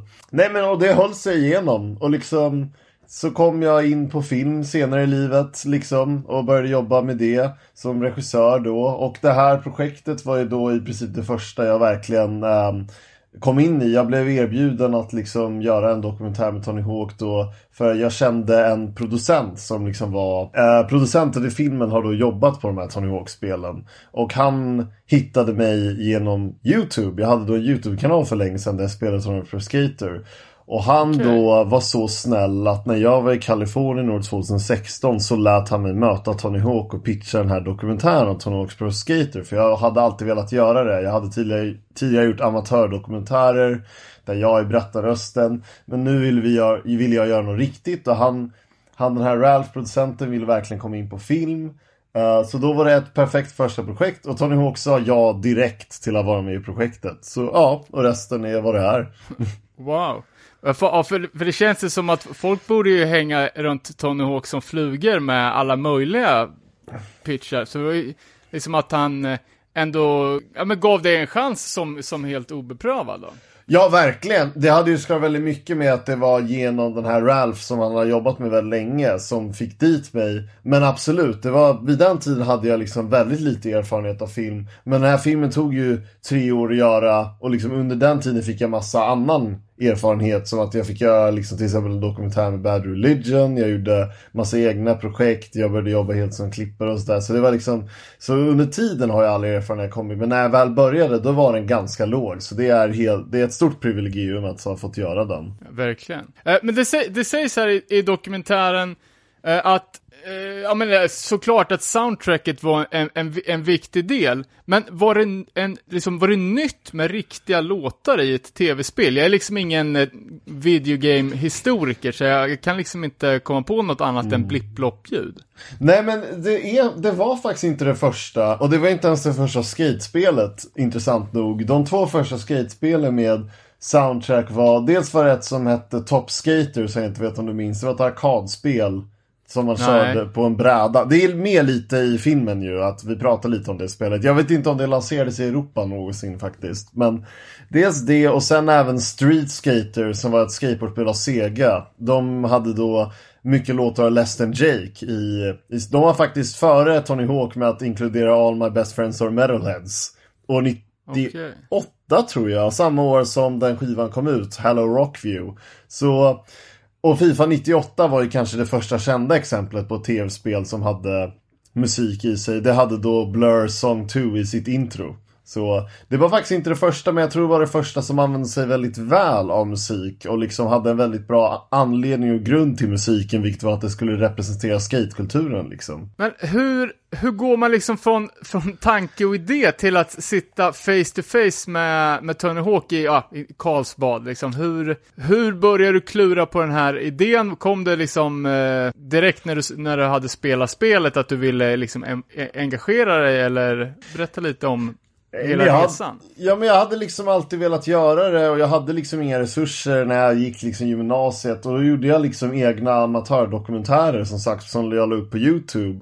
Och liksom drömmen var ju alltid att kanske göra en större dokumentär om Tony Hawk Pro Skater eftersom det har liksom varit en så stor del av mitt liv och jag har, jag har alltid velat göra en dokumentär just hur himla in, inflytelserika dessa tv-spel har varit för liksom popkultur och jag vill säga världen ändå för liksom det har ju haft sån enormt inflytande på så många liv och liksom en hel konstform då, skateboardåkande liksom. Och ehm, och Ralph var liksom på den här producenten så han, han fick det att ske. Det var, alltså jag fick vara på den kreativa sidan och han fick ihop alla de här proffsen för han var ju en av producenterna av Tony Hawk's Pro Skater så han höll ju kontakt med Ja men typ Chad Musker, Jamie Thomas, alla de här skaterna och framförallt Tony Hawk då. Så liksom från idé till första inspelningsdag var det bara fyra månader men då hade vi Då spelade vi in en trailer för filmen eh, som var, Då var tanken att vi skulle få pengar från crowdfunding men det gick riktigt dåligt faktiskt med crowdfunding. Men lyckligtvis så öppnade det upp ögonen för investerare som sedan kom in och såg till att filmen blev gjord. Så ett år senare, år 2017 i november började vi filma på riktigt liksom. Och då var du redan stationerad i USA? Förlåt, vad menar du? Eh, Va, men va, var, var du på plats och bodde i USA då eller? Nej nej, då var jag emellan trailern och liksom Och det här året som var där det inte gick framåt Eller alltså där vi fick finansiering Då var jag ju i Sverige liksom och jobbade dåliga jobb och liksom eh, Alltså inom film då alla möjliga produktionsassistentjobb Och skröt alltid om att jag skulle snart göra en dokumentär med Tony Hawk liksom Eh, och sen Folk till bara, "Ja, slut, säkert, äntligen säkert." så, Ja men det var lite så faktiskt Sen till slut äntligen så fick det ske på riktigt liksom Ja, spännande. Alltså hur, hur, alltså det är ju lite så här once, once in a lifetime grej att sånt här händer. Knappt det liksom. Ja men lite, lite, absolut Eh, Men dokumentären inleds ju med mycket, mycket skate-historia. Eh, Ja. Och jag som har skatat sedan 92 och jobbat med skateboard i, i, he, i hela mitt eh, arbetsliv liksom. Eh, Jag känner igen de här berättelserna liksom om eh, hur skateboard har haft sina olika faser och så. Ja. Eh, Men, men jag tänker att, gjorde du den liksom ganska stora delen av filmen till skateboardhistoria för att många Tony Hawk-fansen inte kommer från skate och inte känner till liksom grundförutsättningarna för skateboard som en underground-verksamhet? Ja men jag är jätteglad att du tog upp det här för jag skulle säga ja och för att liksom Det verkar inte som att folk riktigt förstår hur det här, sam, hur det här sambandet går ihop och vad som exakt gjorde Tony Skater att det funkar. För de flesta brukar kanske bara säga att det är ett jävligt kul spel att spela. Och det är det men det som liksom verkligen fick det att funka var liksom att de hade så, att Neversoft som gjorde spelet hade så himla mycket respekt för skateboardkulturen Och verkligen, alltså de var, de gick liksom in som att de inte visste någonting och liksom hjälp oss, snälla Tony Hawk hjälp mig liksom, vad, vad är skateboardåkarna, vad heter dessa tricks? Och att det var liksom allt det och all skatekultur som kom innan och liksom all typ av re alla referenser de fick, alla dessa skatevideos de hade med i spelen så liksom fick allting att funka och framförallt det som fick då skateboardåkande att liksom bli populärt genom spelen. Alltså på en helt ny nivå som inte hade varit innan. Och då tyckte jag också det var viktigt att liksom visa hur det ändå tidigare hade skett liksom lite försök på att försöka få, få skateboarding lite mainstream men att det hade liksom inte gått hela vägen för att all, allt som de här filmerna, Gleaming the Cube och Thrashing och spelen Skate or Die, um, 720, de var liksom rätt Alltså det var cheesy om, om jag quotar Jamie Thomas där. Det var liksom inte riktigt skateboardåkande som skatare ser det. Medan Tony Pro Skater var verkligen det. Det var liksom det var verkligen undergroundkulturen, det var dess musik och så när man klarade spelet fick man se en video liksom. Så då, vem ville inte gå ut och skate efter det liksom? Nej, nej men det, det, det som är lite intressant också som, som jag själv liksom har inte riktigt uppfattat som jag fick lära mig från, från dokumentären är ju också att Ja men till exempel Tony Hawk som man tänker liksom är större än, än Gud. Mm. Att han faktiskt liksom när han blev erbjuden en halv miljon dollar var det pengar som han inte ens hade liksom funderat på. Ja. Att de, de var inte megastars som de kanske är idag, utan att det var på en, trots att han var från time to time bäst i världen, så var han liksom ingen multimiljonär. Mm. Och sådär. Men sen också det jag tror att, som gjorde att spelet anammades så mycket av skateboardscenen var ju just valet av karaktärer. Att de fick med mm. liksom de absolut största och kreddigaste namnen från lite olika liksom, ja men subkulturer inom skateboard. Jamie Thomas som, som är mer liksom, mer eh, kött och fläsk. Ja. Och eh, Chad Muska som är fresh och clean. Ja. Liksom, för Tony Hawk själv har ju liksom alltid ansetts som ja men du vet, den där långa tönten liksom. Han Ja. är jävligt bra, det kan ingen ta ifrån han, men han har ju aldrig varit cool. Mm. Men att han liksom fick med precis de rättaste åkarna. Ja. Och han Eh, var ju och väldigt då- inblandad i det så. Ja, ja men precis, och då, då fick man med sig hela skatescenen och det gjorde ju sen att liksom när den legitimiteten fanns så fick man ju liksom den grundhypen från skatescenen. Ja, verkligen. För man kan ju jämföra det med hur det är um, kanske i idag med det här nya spelet som kommit ut och de nya skaterna som är där. Um, och det kanske låter lite så här överdrivet nostalgiskt och gammal gubbeaktigt att säga men jag känner inte att de nya skaterna har lika mycket så här unika traits som separerar dem utan det känns som att nu är det kanske lite mer, och du får rätta mig om du tycker jag har fel, men liksom att nu är det kanske lite mer så här att, the alltså att hur man ska, hur man blir en professionell skater och the path är liksom, den är lite mer bestämd kanske. Så liksom de här stora skaterna som Letitia Buffani, Nigel Houston och alla de där, de känns lite mer likartade i liksom både stil och även hur liksom de representerar sig själva. Alltså liksom att Ibland kör de Street League och liksom ibland YouTube-video typ. Medan på den tiden var det verkligen så här. Jamie Thomas, det var inte prat om en tävling. Det var liksom bara zero-videos och han var helt egendriven. Och Chad Musker vill liksom komma från alla möjliga håll och så vidare liksom. Så jag känner kanske att skateboardbranschen var ännu mer unik då på, i 90-tal, på 90-talet. Ja, nu är jag osäker på vilka nya karaktärer som är med i den senaste upplagan. Ja men det är väl, får se, alltså Först, för, Nigel är ju såklart med, sen är det ju Lizzie Armanto, uh, Letitia Buffoni, uh, eh, Leo Baker och det är ju i och för sig väldigt, det är ju mycket representation där liksom för olika håll och olika typer av människor. Det kanske handlar mer om individen nu än vad det gjorde om sti- skate-stilen. Och sen är ju också, men Shane O'Neill är ju med och det är ju väldigt unikt. Men liksom till exempel hade jag gärna sett Aaron Jarsamoki i det nya spelet, men han kom inte med. Ah, Okej, att han har blivit petad alltså, det var ju... Ja, Eh, För han har ju ändå kört för Tony Hawks märke, så man tycker att han borde ju ha varit självskriven. Plus ja han var är med en, i av- femman. en av världens, världens mest spektakulära åkare med sin, Ja. med sin gummikropp. Verkligen. Han tycker jag är liksom unik och representerar verkligen det där som de här skaterna gjorde på den tiden. Men man såg ju också i dokumentären att flera personer uttryckte ju liksom vikten av representation. Att Ja. det fanns en kvinnlig karaktär och liksom att Corinne Campbell var med. Och det har de ju liksom, alltså sk- skateboard är ju mer, en mer blandad målgrupp idag än vad det var på 90-talet skulle jag säga. Så det är väl helt rätt att det finns fler kvinnliga karaktärer och, Det är det eh, verkligen. och även nu då en, transperson liksom, svinkul. Ja. Nej men det är det verkligen. Det är verkligen. Det är väl kanske bara det där. Jag vet, jag kan inte riktigt beskriva det med ord. Men det är någonting som särskiljer lite hur, hur, hur de liksom stilarna och sånt där. Att de känns lite mer lika idag än förr. Men det kanske är för att Street League liksom. Ja, väldigt Lat- mycket- Letitia och, Naja är ju väldigt sportiga liksom, men... Ja. Liksom, jag, jag, jag, jag, vet inte riktigt. Ja. Eh, Men en, en sak, annan sak som jag, som jag är lite fascinerad över, att spelutvecklarna inte var skatare. Ja. Jag tänker att alla jävla pro programmerare sitter med en longboard under datorn liksom.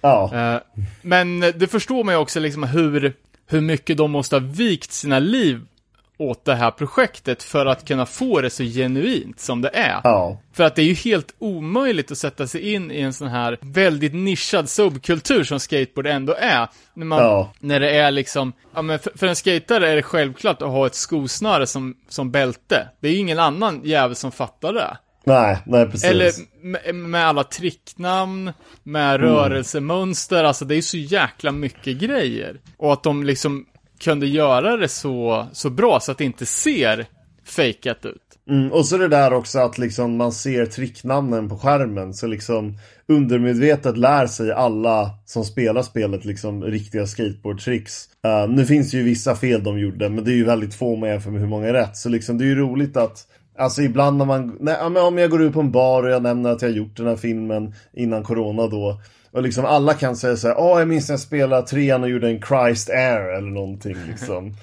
Så här, och de har ingen aning om vad skatekultur är liksom. Nej, nej, nej, det är ju verkligen eh, ett tv-spel om skateboard är större än skateboard.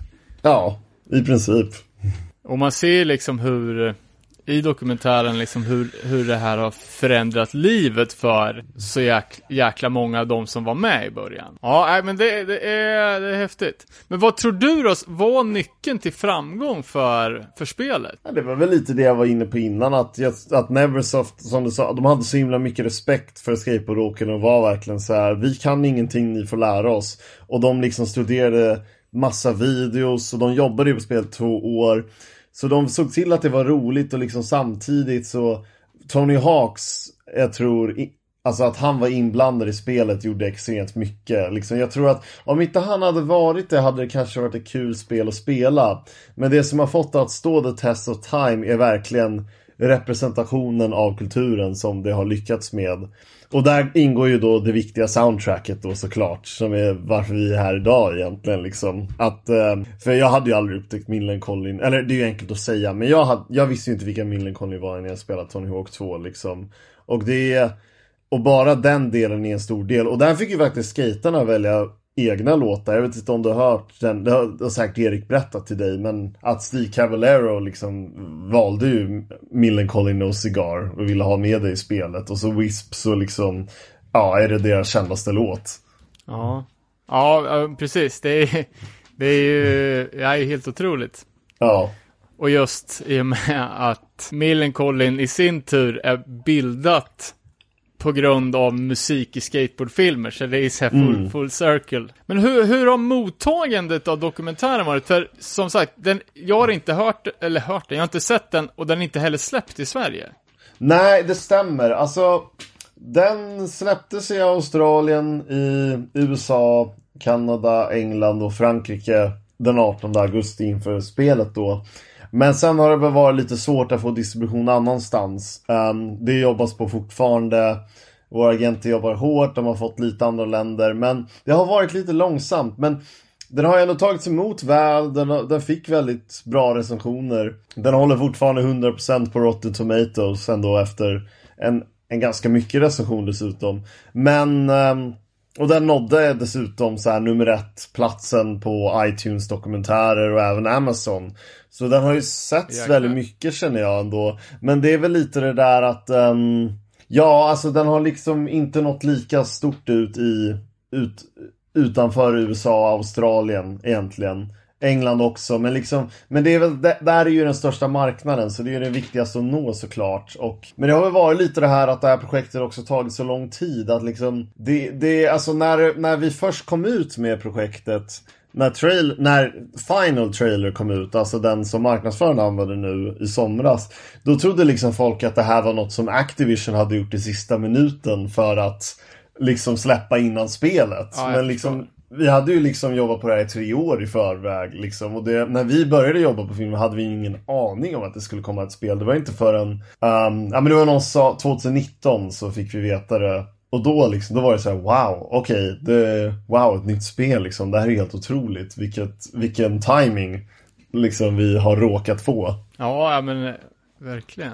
Eh, Men om, om vi går tillbaka lite till, eh, till soundtracket då. Har du Ja. några, några favoritlåtar från, från alla de här Ja spelen? men det har jag. Alltså du, jag ska, jag ska faktiskt göra så här. Eh, jag ska fuska lite för jag gjorde, nej vänta jag har ju den på Spotify. Jag gjorde en lista för någon så här eh, tidning om mina tio favoritlåtar. Jag skrev varför jag valde dem också. Men eh, tänker du bara på de fyra första eller hela serien? Eh, Eh, nej, det är ju upp, upp till dig. Ja, ja, men för jag tänker, jag vet ju inte, jag förstår att du är jättenischad i punk och det är ju och det är grymt för jag får se om du kanske kan, den första låten jag nog skulle lämna som den bästa någonsin i Tony Hawk-spel äh, Återigen, det är varför jag vill stå ut lite i mängden, men det är faktiskt en låt som heter Two Rack 005 av Bracket, är det något du känner igen? Ja, men Bracket vet vad det är. Eh, Det är Ja, väl... på, eh, de är på Fat Wreck. Ja, men precis. Jag, jag, jag Ja. har inga skivor med dem, men eh, de är, har ju varit med på alla, alla klassiska Fat Wreck komps på 90-talet. Jag kommer Exakt. inte ihåg hur låten, vilken låt det är faktiskt. Ja, det är en låt som faktiskt sen Mad Caddies gjorde en cover på, så den fick, eh, 2018, så den fick lite eh, revival. Men den var med i Tony Hawk's Underground i alla fall. Ehm, Mm, ja, det- det spelet det- har jag, så det, det, det borde, jag, borde jag känna igen.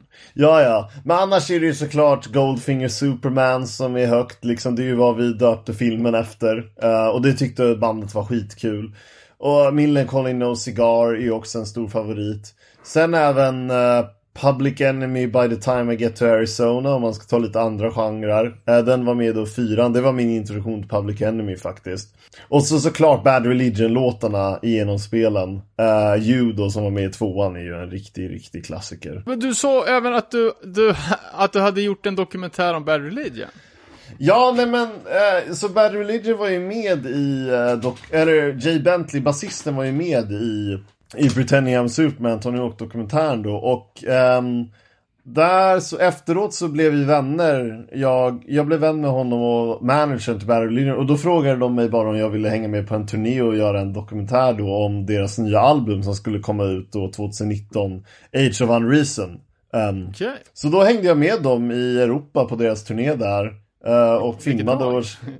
Ja, men det var skitkul verkligen. Och då så kör jag var med dem några veckor och liksom filmade massa och det var, men det var jävligt roligt. Det var ju väldigt kul för liksom det var ju jag fick ju ändå lite, jag vill ju inte säga VIP-livet, men jag fick ju ändå hänga backstage och de körde ju då den här Punkin Drublic-turnén. Um, ehm, med NoFX, uh, Anti-Flag var nog med på de flesta, Less than Jake. Så jag fick hänga med de banden också. NoFX är ju såklart kända för att vara lite dryga och det var ju, Fat Mike retade mig ganska mycket när vi väl möttes. Men det var, det var trevligt ändå såklart.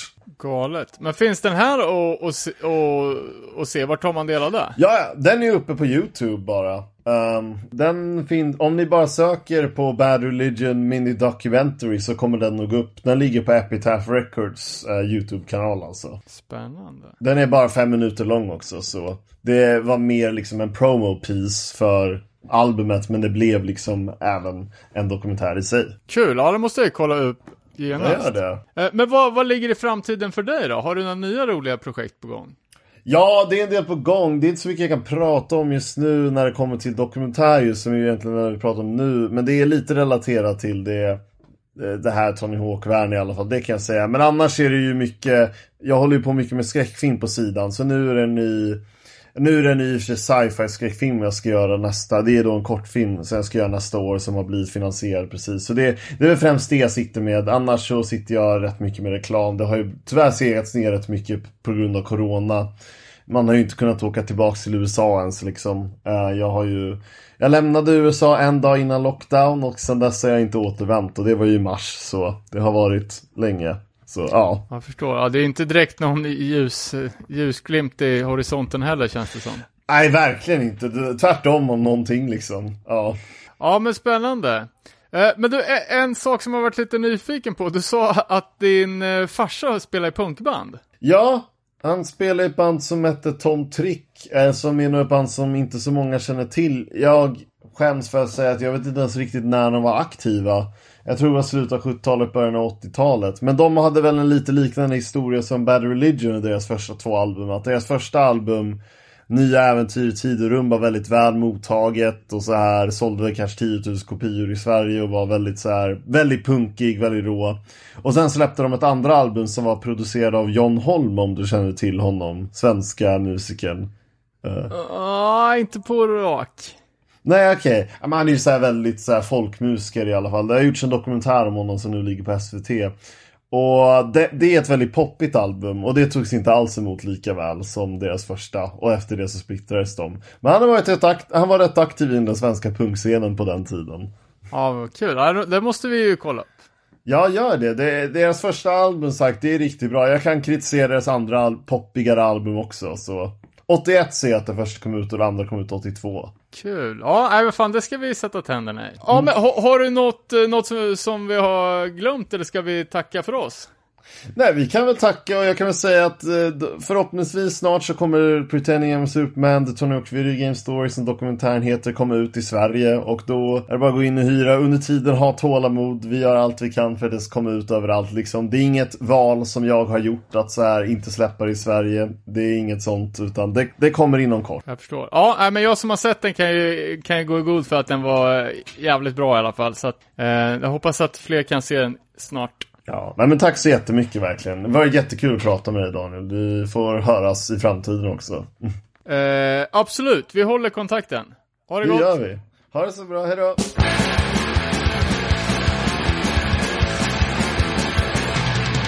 There's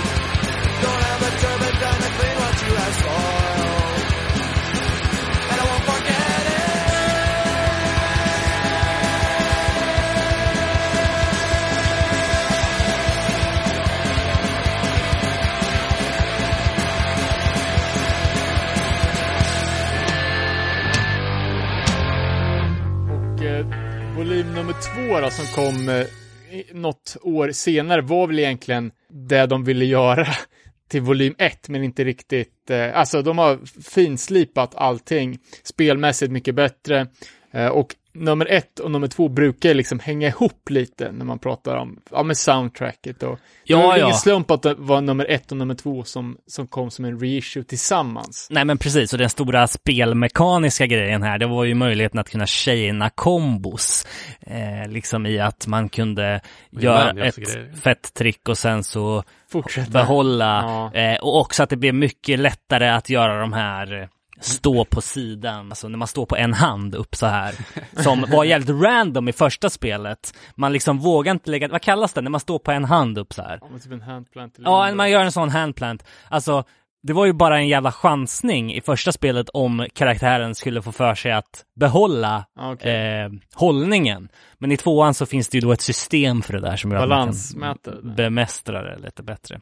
Eh, och soundtracket är ju utvidgat även här då från 10 till 15 låtar med eh, lite ytterligare beroende på region man befann sig i då. Ja, apropå med, med regioner, jag vet inte om ni, om ni har sett det. Spelet släpptes ju som sagt på massa olika regioner, bland annat i Korea. Ja, Eh, och i den koreanska versionen så är det fyra nya spelbara karaktärer jaha. som är K-pop-bandet, vad fan hette de nu då?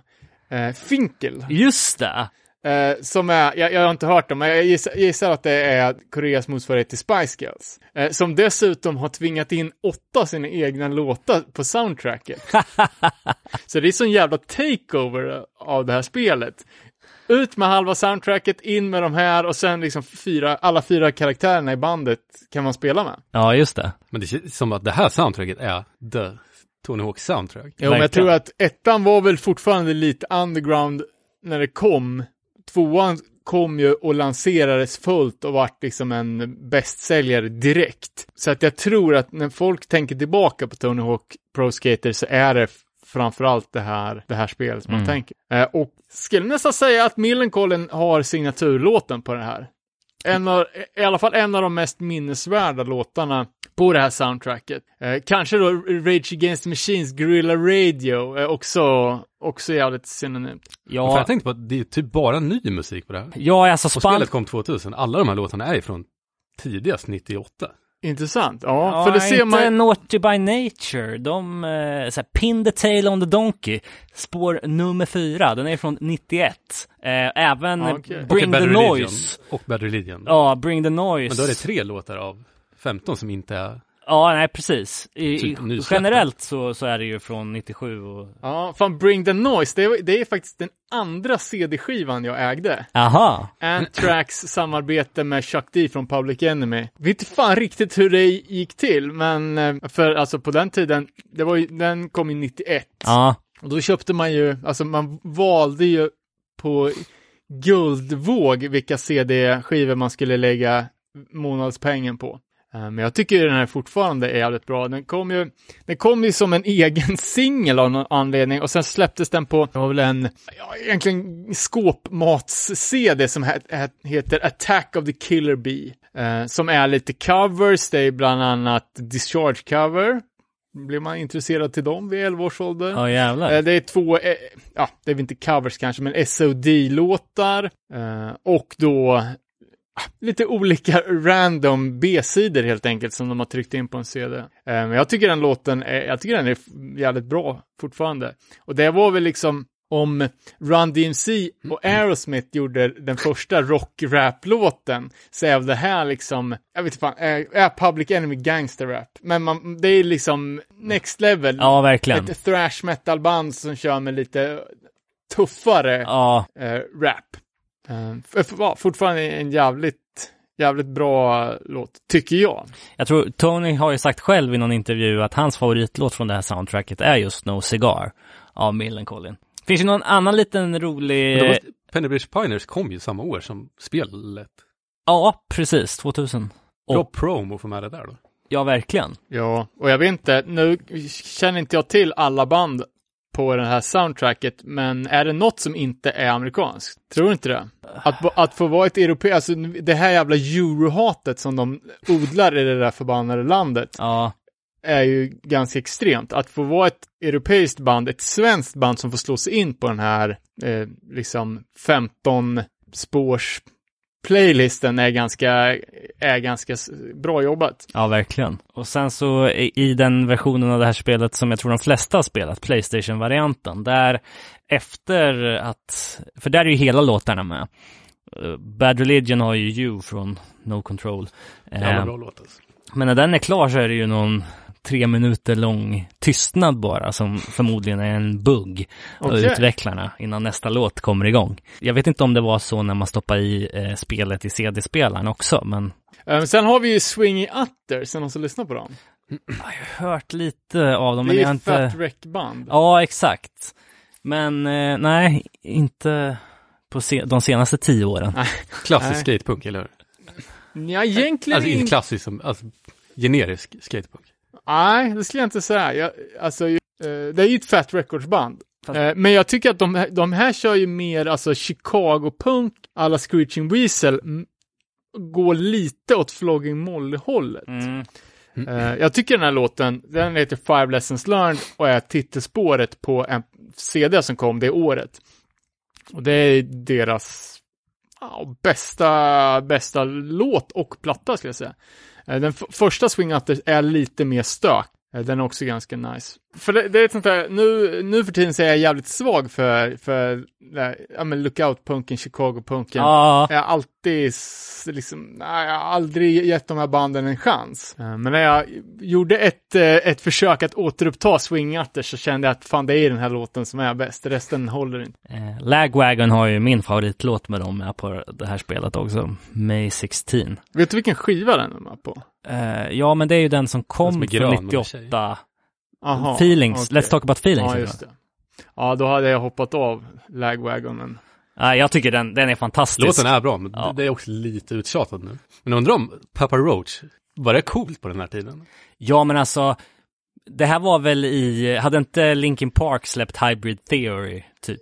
Inte Någon en dag glue. innan. Jag har faktiskt Eh. som anteckning att det här är inte så dåligt som man vill tro. Nej. Jag gick i fördomen att det här skulle vara total dynga.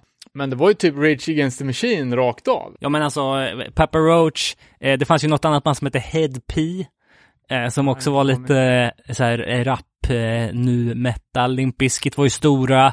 Alltså, det fanns ju en, eh, en hel jävla musikscen med sådana där band som i svallvågorna av Rage Against the Machine gjorde liksom sin egen grej.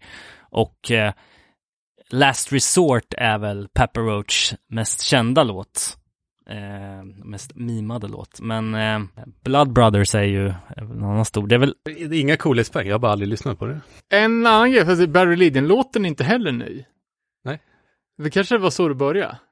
Eh, Ja, men det är no ja. några undantag. Eh, för om vi går tillbaka till spelet som heter Street Skater, eh, som du nämnde tidigare Robin, där är ju alla de, inte vet jag, 12-15 låtarna är ju nya släppt på Epitaph. Så det är ju som att de har tagit liksom den senaste Epitaph promo-CDn och bara lagt den som soundtrack. ja, ja, okej. Kolla in det, den listan, det, det är ju, alltså det är inte dåliga låtar. Typ de två bästa H2O-låtarna, Thicker than Water och eh, Everready, som är pissbra. Det var stort för mig när H2O spelade i Örebro 2016 eller 14 kanske det var. Eh, och de körde Everready och jag fick sjunga med i refrängen Ja. för att jag började med Street Skater liksom. Samma sak, Eye Against Eye har ju jag alltid propagerat för. Min kärlek för dem kommer från det här spelet. All All har jag ju dyrkat sen jag lyssnade på dem på Street Skater soundtracket. Och inte att förglömma The Pie Tasters. Ja? I, då hade man ju hoppats på någon Bad Brains-grej, men det här är ju, det är ju, det är ju en holländsk birdnest-punk. Nej, vad fan, vad säger du? Det är ju svinkompetent bra. Jävligt Ja, mycket, det är ju lite satanic-vibbar på sången, alltså mängden eh, liksom background vocals och eh, stämmor. Finstämmigt som fan. Men Straight Face då? De är med på den här? Ja, exakt. Lite hårdare liksom. Ja, men för, alltså Straight Face är ju ett Orange County-band som, de brukar hängas ut tillsammans med Pennywise som det ultimata jockbandet.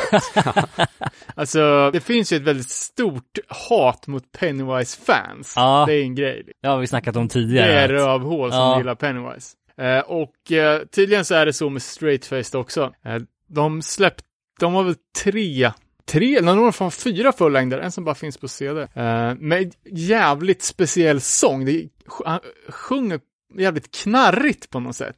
Uh, Johnny Miller. Så kanske han heter. Mitt tips är i alla fall att kolla upp första Straightfaced 7 som heter Self Will Run Riot som faktiskt är jävligt bra. Just det, det här är innan de släppte på både Epitaph och Victory va? Just det, han släppte på Victory ja. också. Ja, bara ett litet, en liten, ett litet sidospårstips där. Cool. Nej men alltså, Tony Hawks Pro Skater 2 är ju liksom... Det känns som att det, det som var cheap shots för oss. Det ja, här är ju där fast precis. Bra, bra liknelse faktiskt. Och för en global marknad, jag vet inte hur cheap shots, den var ju i varmans CD-spelare i Sverige, men frågan är hur den gick utom, jag tror inte att den hade sånt genomslag i, i Europa och världen. Nej. Några som var med på det här soundtracket är ju Millencolin och du Danne har snackat lite med Erik om den processen. Uh, yes, ja, uh, vi, uh, vi är ju båda fan av den här tv-spelserien, så det kändes ju som att det var ganska givet. vi har ju pratat om det tidigare också i Millencolin-avsnittet, tror jag, lite om hur det kom sig att Eh, de fick in en låt på det här soundtracket, men vi har fördjupat oss lite och ett bra samtal, så det kommer här.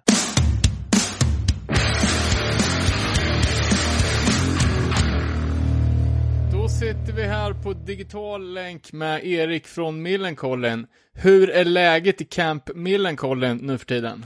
Tjena, jo då. Vi gör ju inte så mycket med bandet just nu.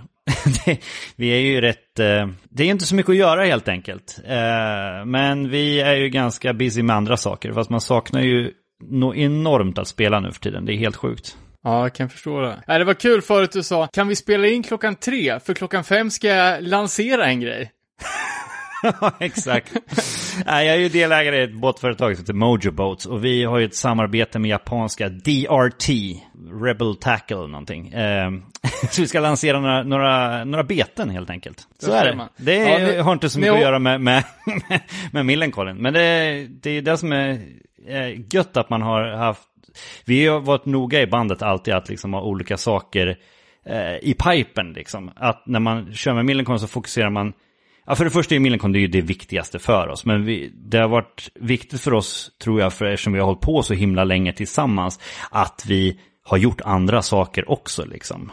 Det är nog därför vi har orkat hålla ihop så länge. Och nu, som jag sa, det är just nu man känner hur sjukt mycket man saknar varandra och saknar att stå på scen och, och allt som har med Millencolin att göra. Ja, tyvärr så ser det ser inte riktigt ut som det är någon ljusning i tunneln heller, känns det som. Nej, och tyvärr så är alltså det sista som de kommer släppa på, det är ju svettiga punkgigs. Jag tror de skiter i det. det, det är liksom, vi, vi, vi, vi är nog längst bort i den där tunneln utav ljus. Och alltså från att ha gått till att vara det bästa jobbet i hela världen eller det bästa saken man pysslar med i hela, hela världen till att vara typ det förutsättningsmässigt det sämsta ever.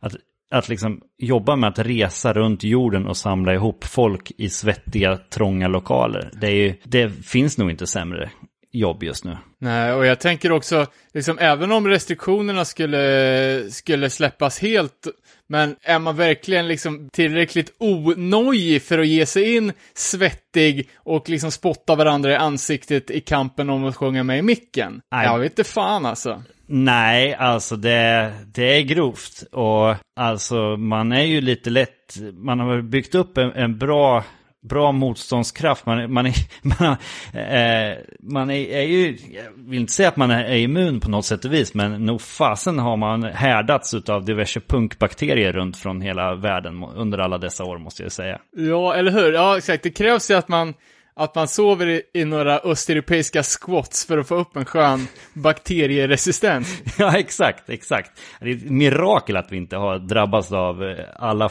bokstäver av hepatit och, och, grejer under åren. Men man kanske, det sägs ju som det, för om man, om man växer upp på landet med nära, nära till massa djur och grejer, då blir man ju tydligen inte lika, lika sjuk. Och så mycket grisar som man har och trevliga djur och människor som man har träffat på runt, runt hela världen så har man, väl, har man väl en väldigt aktiv och fin bakterieflora som far runt i systemet helt enkelt. Tyvärr lär det inte, lär det inte trotsa corona. Tänk, tänk om corona skulle komma från ett punkgig. Liksom de, de, de upptäcker det, att det, det är så mycket I några jävla dreads liksom. hittar de Exakt, det, det är dreads, det är mäsk och det är eh, punkslem och en mutation sker på ett crust-gig. Känns som crust-giget eh, faktiskt vore prime suspect liksom i det hela. Och det är liksom ungefär likadant som de antar att det har hänt att, att det vad var det, några fladdermöss som sket på några ormar i buren under eller något sånt där. Det där händer ju fan dagligen på punkgig så fan. Ja, tänk, tänk det, vad jag ser framför mig, det, det där du har sett den där bilden på det där grymma eh, squat-giget, den, den där legendariska geten. Ja, jag vet inte. jo, jo det, är en, det, är en, det är en get som står längst fram på ett squat-gig, en jävla grym bild. Där känns det ju som total jävla virushärd alltså. Den hade tydligen dött den där stackars, stackars geten, hörde jag sen. Men eh, den var legendarisk tydligen på, på någon squat, någonstans i södra Europa eller vart det var. Rest in peace. Deluxe. Yes. Men det var inte därför jag ringde upp idag, utan det var ju för att prata om soundtracket till och hela Tony Hawk Pro Skater tv-spelsserien, som du har varit ett fan av, men även varit med i. Ja, exakt. Det var ju, jag spelar mycket Nintendo och har alltid gjort, men Tony Hawk Pro Skater 1 fick ju mig att köpa Playstation 1. Back in the days. Vad var det här Ja, det är egentligen? så- 99 samma eller något sånt där va?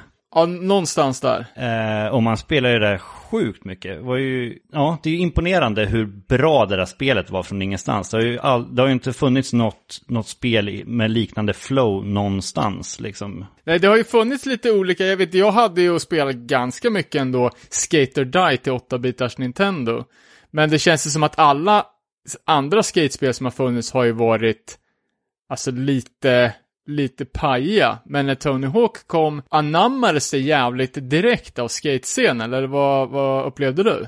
Ja, absolut. Och i den här grymma dokumentären eh, så eh, som jag råder allihopa att se. Den har inte släppt speciellt här i, här i Europa, i England, Australien och Australien om jag förstår det hela rätt. Men den ska alla kolla upp för det är jäkligt coolt att se hur det där gick till.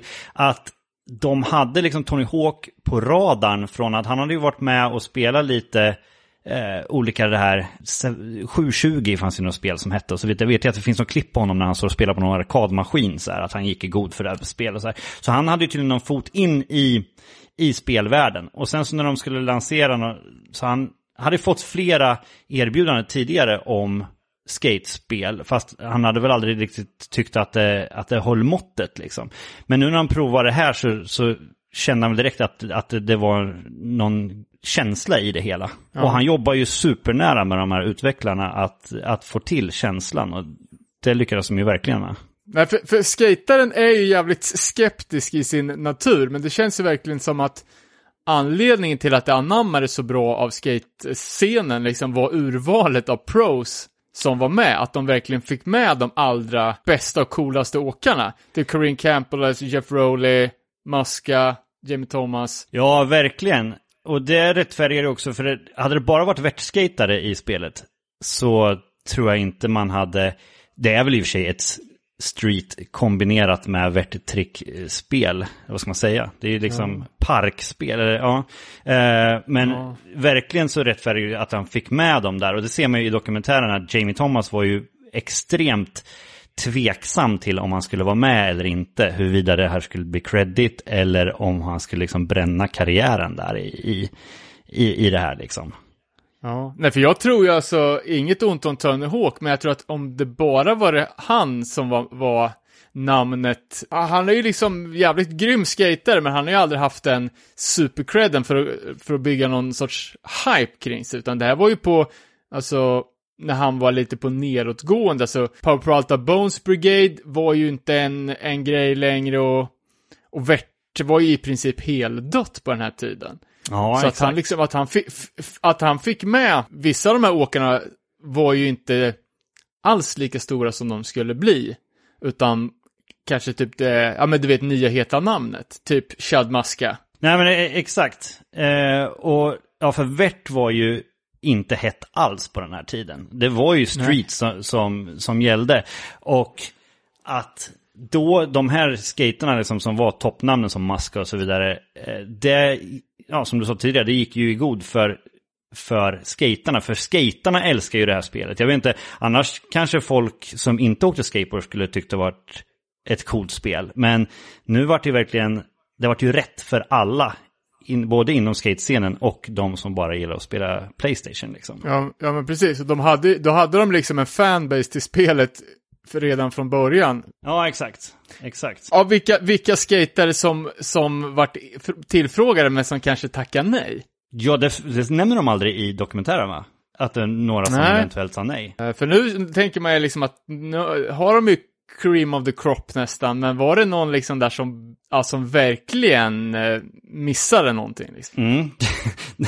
eh, de har ingen aning om om det är någon som sitter med lite lätt ångest eh, Ja. och, och har, har missat den där möjligheten. För det där måste ju ha gjort jättemycket för skaterna, karaktärerna själva Ja. också. Ja. Så mycket som det gjorde, Ja, för men- To- Tony var ju alltså, han blev ju, det sammanföll ju med att eh, X-Games och så vidare startades i, i, i samma veva. Han blev ju utav det här, tillsammans med X-Games vart ju han liksom Michael Jordan eller, eller, Tiger Woods liksom. Han vart ju en sån ikon i hela USA. Ja, ja han är ju he, he, helt klart den i hela världen kändaste skateboardåkaren. Liksom. Du kan ju fråga vem, vem som helst. Ja. Kan jag lova att de kommer nämna Tony Hawk först. Ja, men absolut. Det finns väl ingen som har blivit skateboardåkare som har blivit så liksom, Svensson-känd, liksom.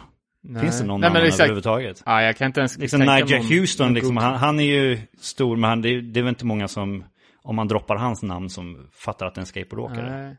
Nej, så Ryan Sheckler hade väl en egen tv-serie, så han kanske är tvåa då, men... Ja, den där så, MTV-prylen där, ja exakt. Ja. så, så stor som Tony Hawk är, liksom, han har haft en karaktär i Simpsons, ja men, var med i polisskolan, liksom, han är ju en Mm. egen... Och det var ju hela Bones Brig- Brigade var ju med i polisskolan. Den gjorde, det gjorde ganska mycket skateboardåkningen överhuvudtaget där. Ja. Den där eh, polisskolan 3 är det väl va? Eller 4? Ja, fyra har jag för mig. För Ja. det har jag hört i skitmånga intervjuer. Att alltså proffs från 90-talet, så, antingen så är det Tillbaka till framtiden, eller också är det Polisskolan. Eller thrashing, började- thrashing såklart också. Kom ju, Men, kom ju eh, ganska samtida där. Men, men absolut. Och det, och det där var ju i samma veva som den moderna streetskatingen började. Och det var ju på Ja. grund av att eh, det skedde. Att liksom skateboard är... Jag menar, det var ju tvunget att, att förändras från, från bara bowlen och värten liksom. Ja, men precis, att de kunde ta, ta skateboard från en värtuppvisning i nya glänsande knäskydd till någonting som folk kunde relatera till och göra själva. Exakt. Det, ju... det gjorde ju även, eh, alltså, ganska mycket kan jag tänka mig för Millencolins karriär att få, få in en låt på uppföljaren Tony Hawk Pro Skater 2, som är väl kanske största och bästa i den här spelserien. Ja, det, var, det, vart ju som, det känns ju som att de, de förfinade och gjorde det ännu bättre liksom. Eh, det första spelet var ju grymt, men så rättade de säkert till sina liksom, misstag och utvecklare. Liksom, nummer två kan ju alltid bli bra i en serie, för det är då de fixar till allting så det blir exakt som de skulle vilja ha haft det från första början. Och sen så var det ju sån Precis. sjuk hype. Jag menar, Ja, anledningen att vi är med är ju på grund av Steve Caballero, Eh, god vän till oss sen, sen lång tid tillbaka. Och vi gjorde ju Warp Tour 2000. Och då så var han ju på våran buss jättemycket om dagarna. Och eh, vi hängde där och hade Playstation och spelade Tony Hawk Pro Skater 1 jättemycket då. Under hela turnén. Och ja, men liksom lite tävlingar och grejer på kvällarna och så här. Ja. Så vi snackade ju mycket sånt. Och han var ju inte med i ettan. Sen kom vi hem från, från turnén och så här. Och sen så hörde han av sig och eh, skickade väl ett e-mail tror jag. Skrev bara, ja just det, han skrev bara. Eh, vet du vem det är som, vet du någon som är en karaktär i Tony Hawk Pro Skater 2? Frågetecken, frågetecken. Så då så sa jag bara, fan vad grymt och gratulerar. Och sa om han hade någon som helst input på musik så är ju vi med när som helst. Och så, så dröjde det bara några timmar så hörde ju Neversoft av sig. Direkt till mig då. Och jag tror det var ganska sent skede utav själva spelet också kändes det som. För det var väldigt så här att man bara fixade in den där låten. Och det där var ju utan att vi då, jag kontaktade ju inte Epitaph eller några våra förlag eller någonting. Utan jag ju bara okej till det där. Så därför vart ju det här, alltså det vart ju skrivet någon kontrakt sen, men det var ju inte så att man dealade fram någon deal på något sätt och vis Ah, med, okej. med, med låten liksom.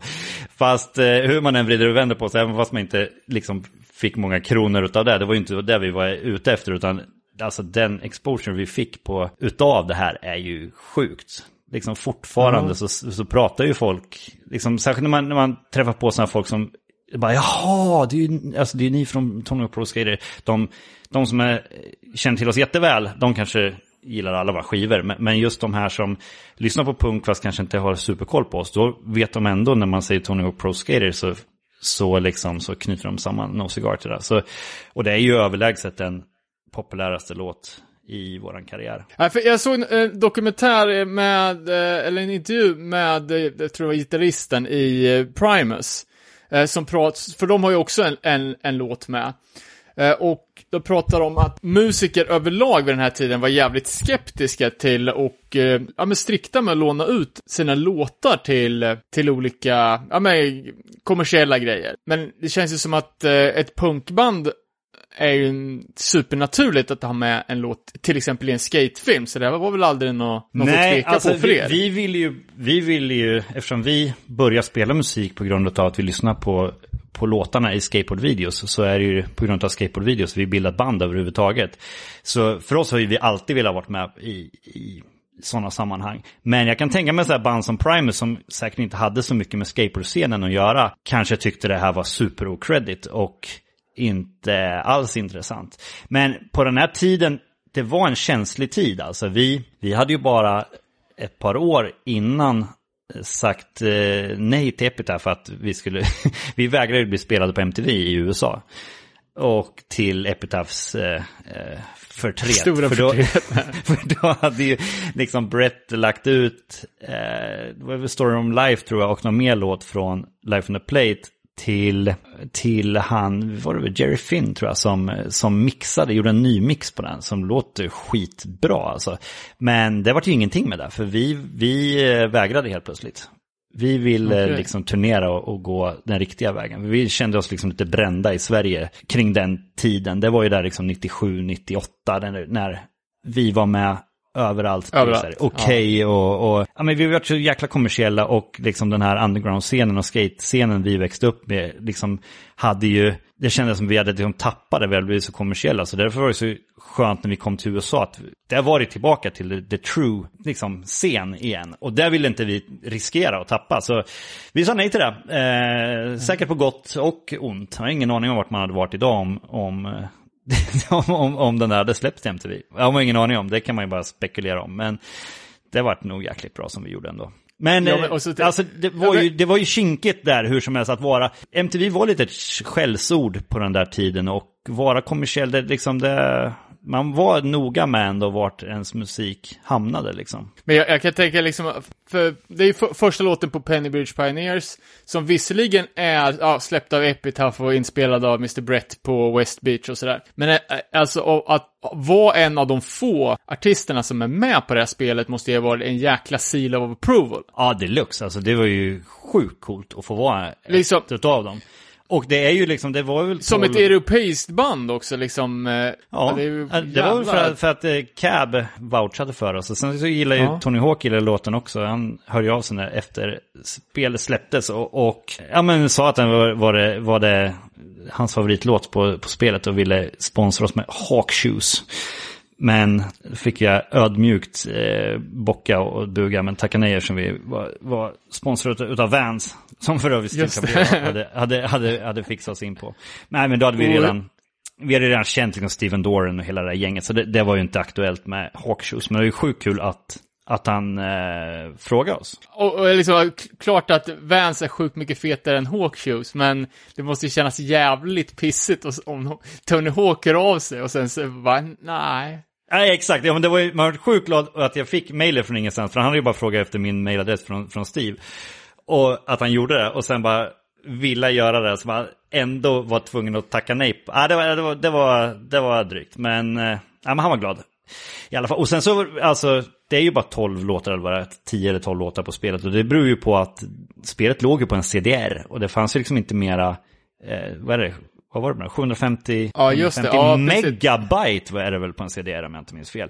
Så jag menar, det Ja, går jag ju bara in så mycket eh, låtar plus då datan för själva spelet. Så de maxade väl, men det vart ju bara så många låtar i full hatch liksom. Så alltså, det, det är jävligt kul och det är väl många som anser att, att eh, våran låt är liksom soundtracket till Tony Hawk Pro Skater 2 har jag hört många sagt. Så det är ju, det blir man jävligt stolt utav.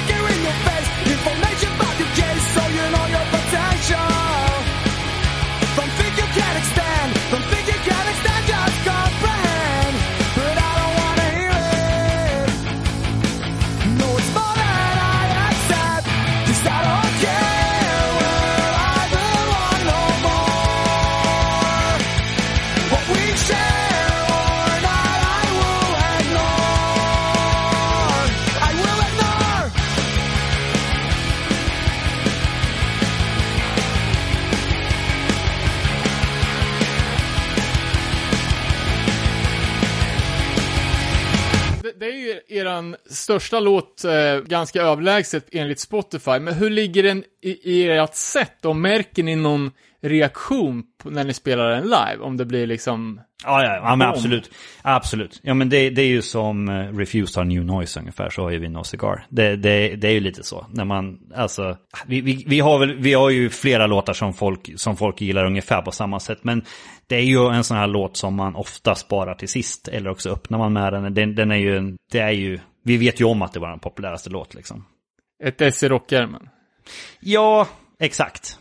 Jo, men det är det ju. Det är det ju. Och alltså, för det är ju, det är ju väldigt mycket fler folk som har hört den låten än någon av våra andra låtar. Även om det är många låtar som är, är liksom, folk tycker är bättre än No Cigar såklart utav våra lyssnare. Men, men om man ser det stort så är det ju absolut vår största låt. Nej, jag har inte märkt att någon har tröttnat då, för typ, okej, No Cigar lyssnade jag på innan och även typ Dead Kennedys eh, Police Structures och s- låtar som jag gillade innan, så de tycker jag, de håller fortfarande. Men nästan alla andra låtar som har varit med i den här serien har jag ju bränt ut för att jag har hört och spelat dem så jävla många gånger. Ja, Jag har, jag har inte märkt liksom att någon har ja, kommit fram eller sagt liksom att ja, jag har liksom gett upp på den här låten. kommer fram ilskna. Alltså, Fy fan vad trött jag är på er alltså. Nej, det, faktum är inte, snarare tvärtom faktiskt. Att, att det är, är folk som har sagt att de har lyssnat på den så sjukt många gånger fast in, inte tröttnat faktiskt. Sen vet jag inte, de som har tröttnat på oss kanske inte hör av sig. De kanske, de kanske drog så man aldrig mer pratar med dem.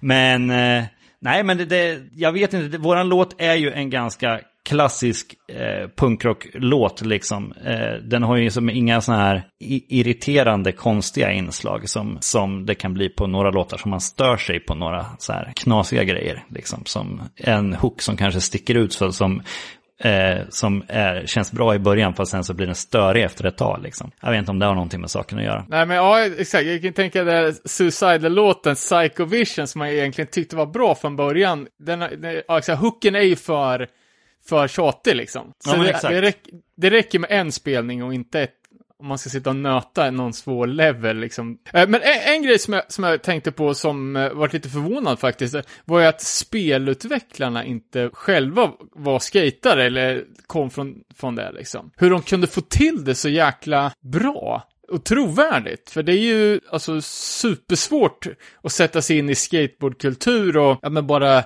alla tricknamn liksom. Ja, det är Eh, otroligt uh. imponerande. Jag, tror- jag tror att eh, Tony hade väl extremt eh, mycket att säga till om och, och pratar väl sjukt mycket med dem, om jag förstår rätt, i den här grymma dokumentären. Så det var, ju- det var ju superintressant att se i dokumentären om att eh, just hans eh, dialog med spelutvecklarna. Och de är ju imponerande duktiga på att ta till sig vad han säger också. För att, ja, men, som du säger med alla tricknamn och allting, alltså det är ju det är ju folk som inte har någon aning om skateboard som ska sätta sig in i allting och få det att vara rätt känsla och liksom rätt... Na, ja, det, det är otroligt imponerande. Det är ju någon snubbe som, eh, om jag inte minns fel, i, i, i det där Neversoft-teamet som hänger ut vid en skatepark och hänger ut med skatare under en längre tid för att liksom få känslan. Och sen så att, att Tony liksom var inne och, och petar i minsta detalj. Och det var väl det här Ja. också att han gillade ju det här spelet för att det kändes som att man, enk, man liksom man behövde trycka på någon knapp för att pusha fart till exempel. Och göra ollie är bara liksom bara trycka en knapp. De här spelen där man måste lära sig att göra en ollie liksom lika svårt som att en, en person lär sig att göra ollie med en skateboard. Den inlärningskurvan, den orkar man inte med på ett tv-spel liksom. Nej, så det, det här var ju liksom, man kan ju bara, kunde ju bara direkt få den där kontrollen handlar om att bara testa. Liksom, och man satte ju ett gäng trick. Och, och ramlar man så är man jävligt kvickt upp igen också. Jag tror att det är en av de absolut viktigaste grejerna i spelet. Att, att det är lätt att komma in i flowet. Och det säger ju han i, i dokumentären också. Att han, han förstod att det var liksom det skulle vara rätt enkelt att komma igång och köra. Ja men precis, att det är, det är tillräckligt mycket skate för att tilltala skaterna, men tillräckligt brett för att kunna gillas av alla. Ja men exakt. Eh, Spelade du det här Skate som kom sen? Det spelet någonting? Ah, inte mycket alltså. Nej, jag tror bara jag provade någon gång. Men det var väl mera så här att det liksom... Där fick man liksom kämpa för att klara att göra liksom tailslide och, flip ut eller något sånt där. Då var man tvungen att göra en jävla kombination på trackpad, vad heter det? Spelkonsolen, Ja. eller spel... vad vad heter det? Joysticken. eh, och så här, och, och det sånt, sånt orkar man ju. Var, liksom, den som är bara van att spela liksom actionspel skulle inte orka sitta och hålla på och nöta där liksom, tror jag. Nej, fan, jag har inte riktigt tid att sätta mig in i, i, i, det där, men det är, det är ju säkert svinkul. Eh, har, har du lirat de senaste varianterna? För det kom ut ett, eh, för inte så länge sedan, typ reissue på nummer ett och två. Ja men exakt. Eh, och där vart vi tillfrågade väldigt, väldigt tidigt utav, eh, det kommer via Epitaph, för sen, för sen så har jag även haft kontakt med Tony direkt också, för det var några andra grejer vi gjorde tillsammans där. Så det var jäkligt kul att de, att de hörde av sig eh, direkt till oss och, och man verkligen kände att de uppskattade våran låt från första, att vi var, liksom att vi var en, en riktig del utav, det är kul att det känns som att vi, vi vart en del utav hela, hela spelet och allting runt omkring då, att de uppskattar oss. Så det var jäkligt kul, så vi, vi visste ju om att det här, den här 1 plus 2 skulle komma eh, för bra länge sedan faktiskt. Och det är märkligt att eh, när de väl lanserar att det kommer att komma så är jag ju superförvånad att inte det hade läckt innan för att vi hade ju sagt ja till det här för, skitlänge sedan. Och sen så promotar de ju oss då direkt, den här första som delades nog sjukt mycket i sociala medier och på YouTube, den här första reklamen för att spelet skulle komma. Då var ju liksom vi ett av åtta eller tio band som original soundtrack from. Liksom så står ju vårt namn där i den och det är ju, det är ju jäkligt hedrande alltså. Ja, för det, hade, det var ju några band som blev petade från första soundtracket och det hade ju inte känts så kul. Nej, om de bryr sig så mycket kanske. Jag har ingen aning. Jag har ingen aning. Ja men absolut, det, det var ju ett helt gäng som blev petade. För de, de gjorde väl som en best of utav ett och två gjorde de ja, exakt. Så det, Goldfinger, de var ju med ett, på ettan till exempel. Och det var ju de, vi och så vidare. Så de tog väl liksom de bästa låtarna från ett och två då, tror jag de, tror jag de frågade om. Och andra sidan så var ju de banden som inte fick vara med nu i uppföljaren, var ju band som man aldrig hade hört om innan eller i några andra sammanhang. Så det, ja, det kanske inte Nej, det kanske inte var några aktiva band liksom. Ja, och sen så sen senare, nu, alltså jag, jag köpte spelet och eh, stoppade i det och sen så, in, jag är väldigt dålig gamer nu för tiden. Så insåg jag att jag var tvungen att ladda ner typ 15 gig eller någonting för att få, få igång det. Och, och, eh, så jag har, faktiskt bara, jag har faktiskt bara kört första, direkt man stoppar i spelet utan att ladda ner någonting så kan man köra den första hangaren där. Och det är ju skitsnyggt.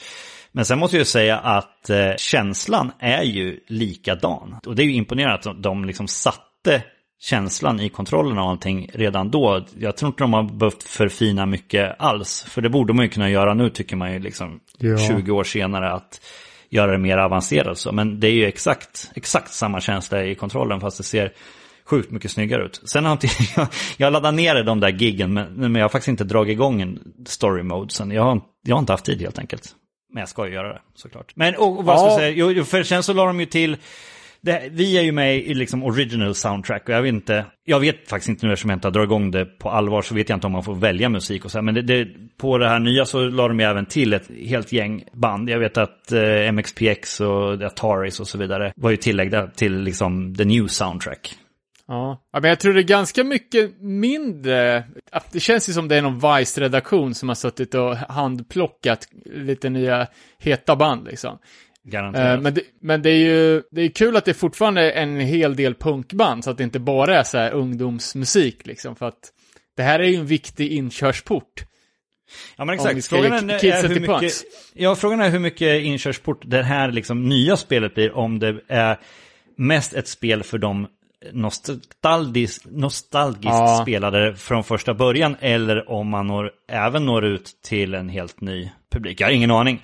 Gamingbranschen är ju så sinnessjukt stor. Sen vet inte jag just skateboard-gamingbranschen hur, hur stor den är. Men det här är ju liksom lätt det, det, största, det största spelet i alla fall. Och det var ju, det var ju sjukt Tvåan som vi var med på, det var väl det mest sålda så här, konsolspelet ever då tror jag. Och fortfarande men- utav, utav, utav de mest sålda. Jag tror att när, när fyran kom så var de andra tre fortfarande på topp 10-listan. Så det Ja, säger ju någon, någonting. Ja, helt sjukt. Kul! Ja, nej men vi får ta väl och eh, runda där då, så får du ha det gött tills vi hörs nästa gång. Du, detsamma Danne. Eh, hälsa de andra. Så ska jag ha det bra. Gud. Tja. Tja.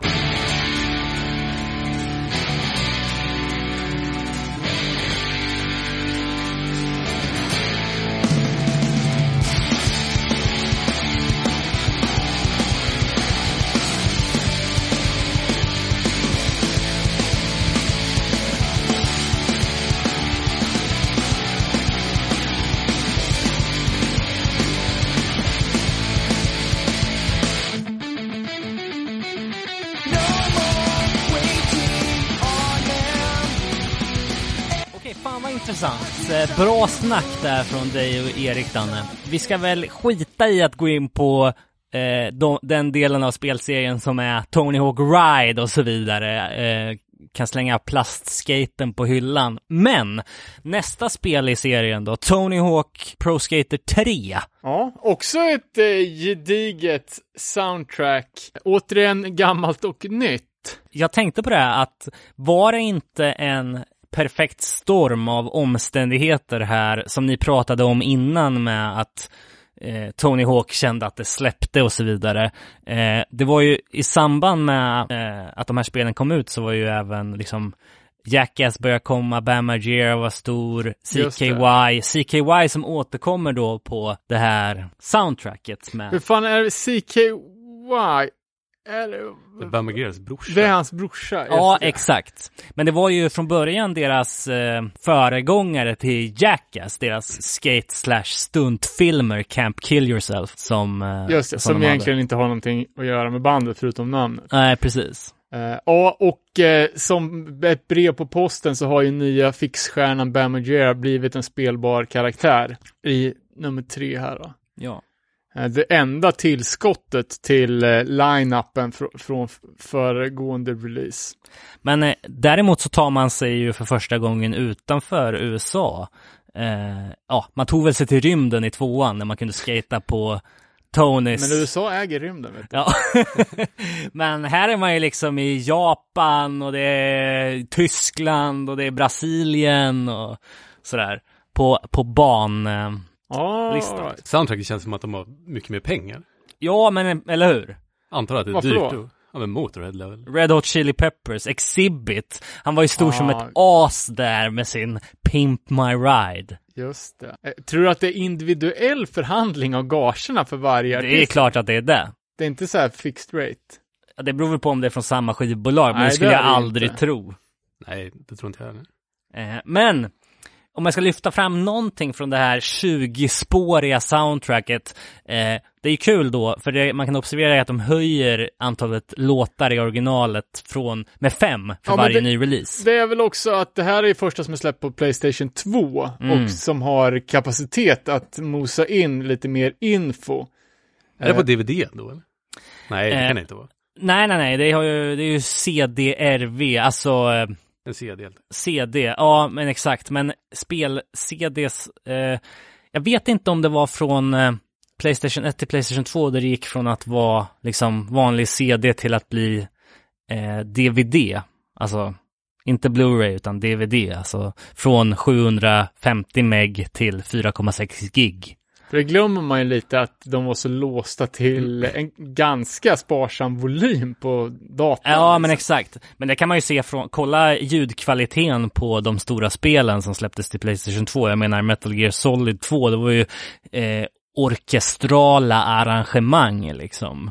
Till skillnad mot ettan på Playstation 1 där det är mer Men där, ja. 16.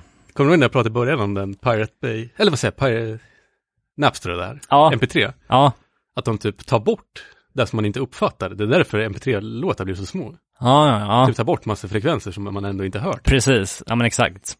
Och det är, det är ju det som är eh, audiofilerna föredrar vinyl för att då får du med hela det, det är inget som klipper. På Precis. CD-skiva så har du ju då får du ju bara mittenpartiet av, av ljudspåret. Liksom. Jag tror att det var, det var någon, jag försöker minnas vem det var nu, men det var ju någon artist tidigt i den digitala eran, jag tror att det kan vara typ Lars Ulrik eller någonting. Det här var en sån här artikel som dök upp på eh, den legendariska sajten Blabbermouth, där man hittar de roligaste metalnyheterna.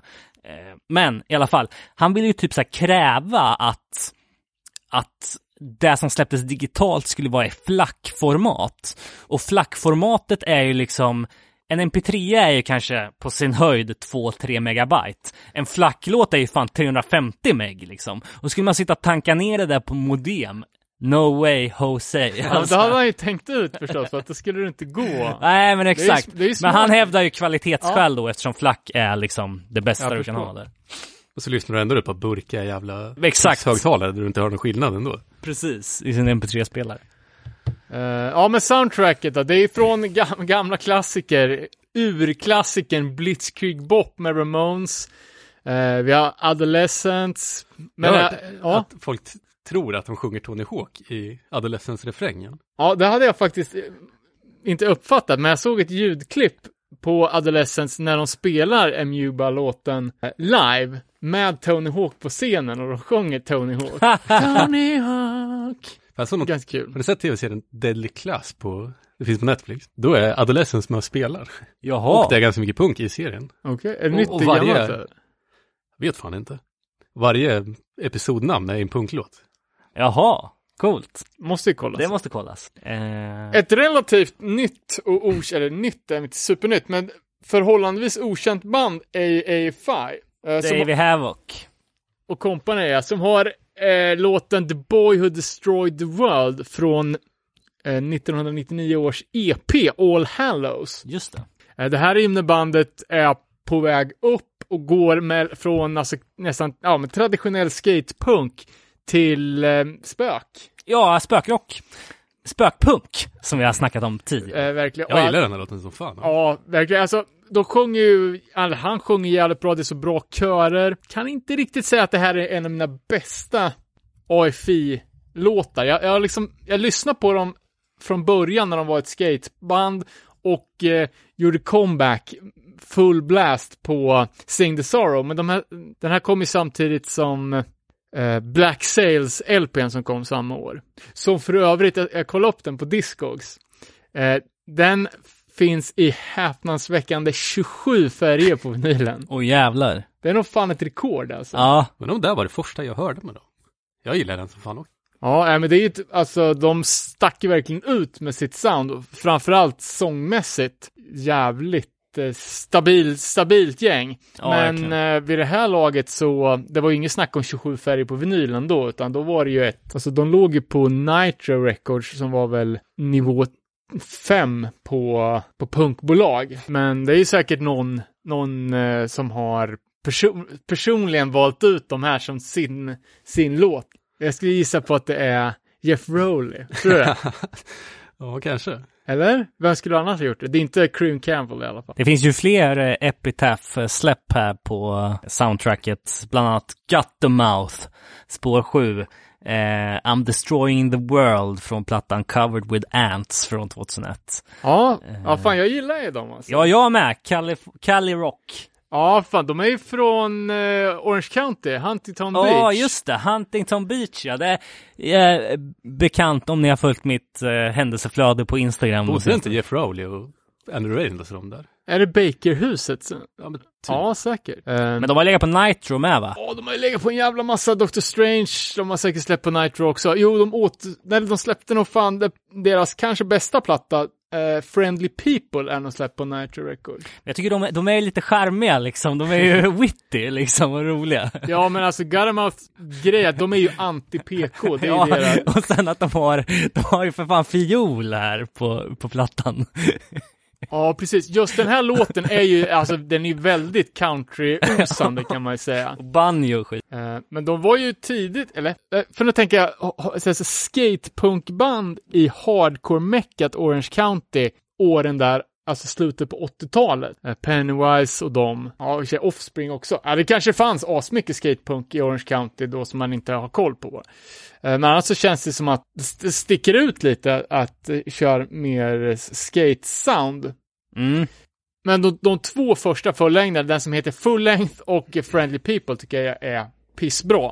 Och de har ju liksom sitt tydliga koncept, alltså de är väl de eh, är ju väldigt uppmanande till drogintag eh, och de hatar ju kvinnor och eh, vegetarianer och allt som är liksom politiskt korrekt. Men de, de, de gör ju liksom satir kan man väl säga. Eh, ackompanjerat av jävligt bra skatepunk-låtar.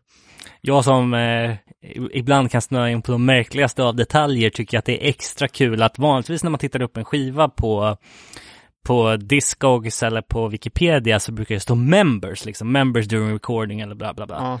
Här står det personnel, vilket jag tycker är lite kul. Eh, men eh, ja, det är ju eh, det är ju jävligt bra, Gattemat. Ja. Ja, jag, jag, jag snappade upp dem när de lirade i Stockholm faktiskt. De spelade Aha. med Offspring första gången de var här. Om jag inte minns det fel så skulle Millencolin ha spelat förband till Offspring, men de vart i sista minuten kickade till förmån för Guttermouth. Och polarna som var på det gigget tog med det här nya skatepunkbandet till Örebro. Mm. Ja, alltså skivan. Eh, och sen började, började vi digga det. Det finns ju fler eh, lite halvt bortglömda Orange County-band där också. Eh, Zebrahead bland annat som är sist på det här soundtracket. Oj, det vet jag inte ens vad det är. Eh, det är också så här, alltså punk, punkrockband. Eh, bildat 95 och har väl legat på, inte så här definitiva punkbolag direkt. Eh, de har ju harvat runt på Sony Japan och lite sånt där. Men eh, här är de med i alla fall. Det är ju pop, poppunk eller punkrock liksom.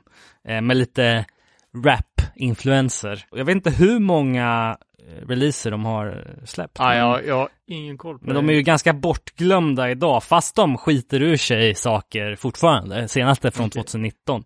Jag kommer ihåg att jag lyssnade på plattan från 2000, Playmate of the Year. Eh, Men, Något annat då som jag gissar att du har lyssnat på är ju Body Jar. ja för fan! Detta australiensiska svinbra band. Precis, eh, kan, är det det andra bandet nu då som inte är från USA? Jag har inte hela playlisten här, men... Både jag körde ju tidigt på Warp Tour, så det kanske var um, därav att de fick upp Ja. Eh, liksom, för de, de lyckades ju slå sig in jävligt bra för att vara från Australien liksom. I Europa, eh, Burning Heart och eh, i USA på Warp Tour då med, ja. med allt som kom där till. Men Body Jar är ju ett band som jag tycker håller fortfarande. Jag spelade ju upp för några år sedan i den här podden deras eh, hitlåt från, ja, 2017 kanske, Elon Musk. Eh, jävligt bra banger. Eh, ja, eh, fan, jag har aldrig lyssnat på dem. Jag har skivorna och sådär, jag känner igen låtarna med hör dem, men jag har liksom aldrig satt på en Body Jar. Jag blandar ihop dem med. Homeground hela tiden. Ja, men Body Jar känns ju... De känns ju mer uppstyrda De än känns ju mer mognare på något sätt.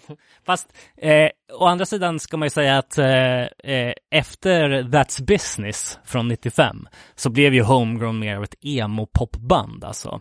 Med mycket eh, mer eh, high school, eh, olycklig kärlek-aura jämfört med Smoke a Blunt and eh, Surf liksom. Ja. Eh, som var deras eh, enigma innan. Kom- De som skejtar med hästsvans, är det body or homegrown? Inom musikvideo, på någon sån här gamla Burning Ja, Man. det vet säkert. Bodyar är ju också ett uh, skateboardtrick. Backside air nose grab to tail. Det känns ju som att eh, Bodyar borde ju ha... Time to grow up, vad är det? Eh, det är Bodyar. De borde ju ha haft ett finger med i spelet No Fun hamna på surfvideos där på 90-talet. Ja, säkert. Eller är det Semaphore, heter det inte australiensiska distributören? Ja. Eh, men eh, jag kommer ihåg när Bodyar spelade i Örebro, kanske 95 eller någonting. Ett av de första skatepunk-gigsen som var lite större som jag gick på. Kommer ihåg att vi slink, slank in där 15 år backstage. Vart jävligt impade av att någon i Bodyar var så crazy skate och rökte cigg med ögat. ja, men, Jävlar! Eh, sånt, sånt man gör i den australiensiska steppen liksom. Det, måste, det, känns som att det finns underlag för ett Crazy Skate-avsnitt. Eh, men jag, vi såg ju Bodyar på Gråsrock 2015. Ja. Eh, men det var ganska trött minns jag det som. Man stod där och väntade på Do not do, do not do. Eh, sen har vi ju ditt hatobjekt nummer ett, Red Hot Chili Peppers, Fight Like a Brave. Riktigt jävla dålig låt. Eh, jag kollade upp den här musikvideon. Jag skulle bara lyssna på hur låten lät och fick upp en video. Den är fan alltså next level alltså. Jag tror det var ett skämt. Eh, kan jag rekommendera om de vill ha det som, ja men bara underhållning. Red Hot Chili Peppers liksom. De har ju någon punk connection ju. Men det är så jävla kackigt. Men vad är det som du tycker är så dåligt? Den här jävla Alltså, basen. Vet du att folk säger att Metallicas trummis inte kan spela trummor? Att han skulle vara så jävla bra på bas, det är det värsta jag vet att höra. vad är det han heter nu då? Fly. Flea, just det. Eh, det finns ju ett klassiskt klipp på Flea när han spelar eh, nationalsången på Super Bowl. Bum, bum, bum, bum, bum, bum. Han är säkert duktig, men det är, alltså, jag tycker det är så dåligt. Ja, men de, alltså det är någon typ av, i den här videon så bekräftar de ju alla fördomar man har om Red Hot Chili Peppers, att de ska vara så här crazy, med knasiga kläder, och det ska vara så funkigt och, och jag, jag funderar lite på Fight Like a Brave, om det är en direkt rip-off på Beastie Boys Fights for your rights som kom året innan. Mm. Eh, men jag är osäker på vilka som egentligen var först med sån party anthem-låt. Eh, det här är i alla fall, den låten är från 87 i alla fall. Eh, sen så kom jag på relaterade videos, fick jag vidare på eh, Red Hot Chili Peppers spelar ju live, eller vad man ska säga, i filmen Thrashing. Som ni säkert Ja, har ja, ja. Gängkrig på rullbräda. och jag har inte sett den här filmen på 20 år. Men mitt minne av den här spelningen var ju att det var helt sjukt.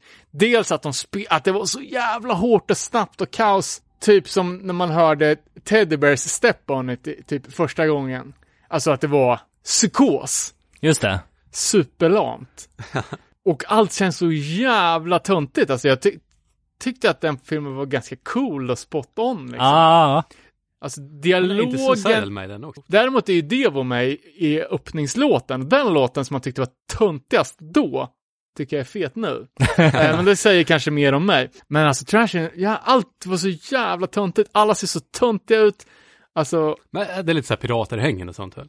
om det är det coolaste i hela filmen. ja, men det vill säga axelvaddar, alla, alla, all dialog känns ju helt eh, forcerad. Men sen en, en annan grej som var faktiskt en positiv överraskning eh, är ju Rollins band som har en låt. What's the matter man?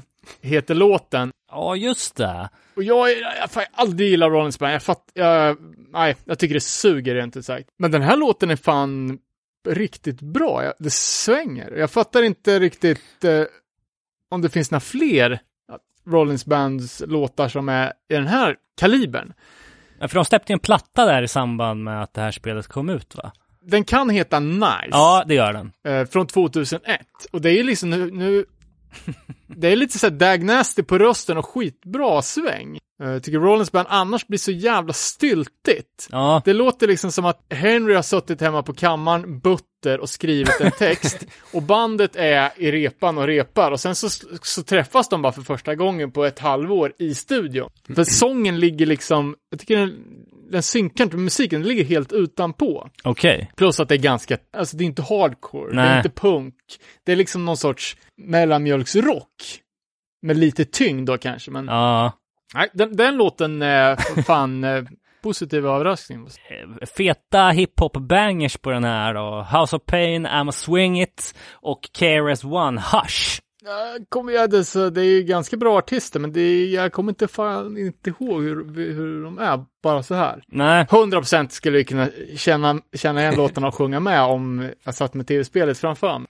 och sen så har vi ju då, eh, ja, flera såna här eh, nu metal, eh, vad kallar man det för? Akter. Ja, men när det är one hit wonders, Ah, liksom. okej. Alien Ant Farm som väl brann en sommar och sen försvann. ja, vidare då till Tony Hawk Pro Skater 4 som släpptes eh, 2004 med ett gediget soundtrack med en rejäl blandning, allt ifrån eh, metal till rap till rap metal till punk. Det mest mainstream är väl eh, liksom man kan hitta i ACDC, Iron Maiden hörnan liksom till Goldfingers nya försök att göra Superman i form av spokesman då som vi var inne på tidigare. Eh, mina favoriter Less than Jake har låten All My Best Friends Are Metalheads, vilket från början var med på Street Skater från 98.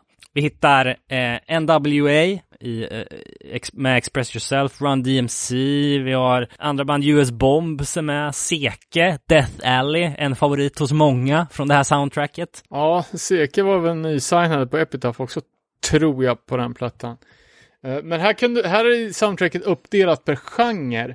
Eh, Och det kan vara så också att det fa- fanns funktioner att kunna stänga av låtar från spelet, eller som, Mm så man slapp höra de, de värsta. Eh, men om man snackar om punkdelen så är den ju jävligt solid. Där är vi 20 låtar, det är bara bra band i princip. Eh, vissa lite smalare eh, klassiker, typ The Faction, Skate and Destroy, eh, som eh, aldrig hade någon kanske kommersiell framgång, men som då är Steve Caballeros egna band.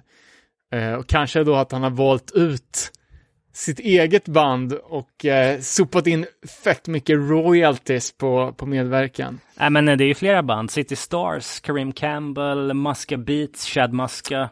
Ja, det- ja, exakt. De det lägger, lägger in sin egen musik. Jag får välja låt, jag tar min egen. Vem Så- fan var det som gjorde ditt sommarprat? Bara spela sin egen musik? Var inte det Per Gessle? Jag vet inte. På riktigt. Ja, jag tror det. tror jag Regina Lund. Skitsamma. Det är ju, det är smart, men det kanske inte är så snyggt.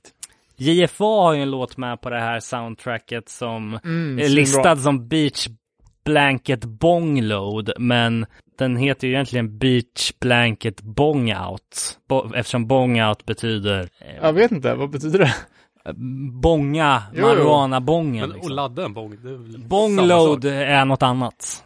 Som, Ja, beach blanket är väl inte så snyggt heller. Det handlar väl om någon lättfotad tjej som man sätter på på stranden. Jaha, okej.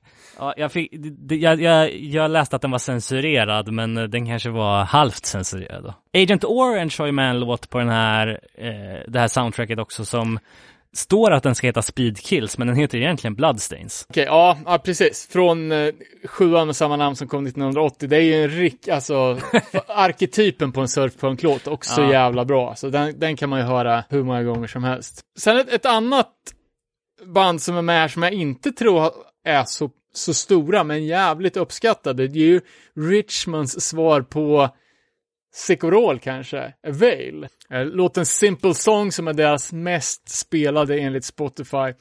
Eh, och det är ett band som, som figurerar liksom i gränslandet mellan punk och hardcore, typ som Good Riddance. Ja, ja. Eh, som jag, jag, jag gillar dem som fan, de har släppt skitmycket grejer, jag har bara Det är en. också Fat Wreck. Ja, det känns som det. Eh, men de är ju lite mer åt hardcore-hållet. Jag kommer ihåg, det kan ha varit en close-up intervju med sången, som jag tyckte var så, jag fastnade lite för den på något sätt. Han berättar, han bor ju någonstans i, i hooden liksom.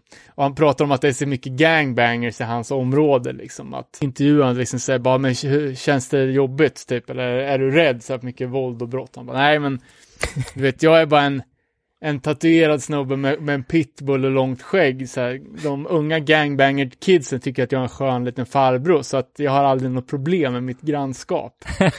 så här. Och han ser ju väldigt speciell ut, liksom riktigt risigt. Alltså, tänk bockskägg gone crazy. Ja, ja, ja. Innan det var populärt för everyday hipster och ha ett superskägg liksom. Ja, Och sen typ saknar någon framtand och sen, ja men, mycket tatueringar och en hund på det. Eh, så det är ett jävligt nice gäng. Sen har vi Bouncing Souls, en av deras bästa låtar, Mantan. just det. Ja, det är en av, en av få Bouncing Souls-låtar som fortfarande håller.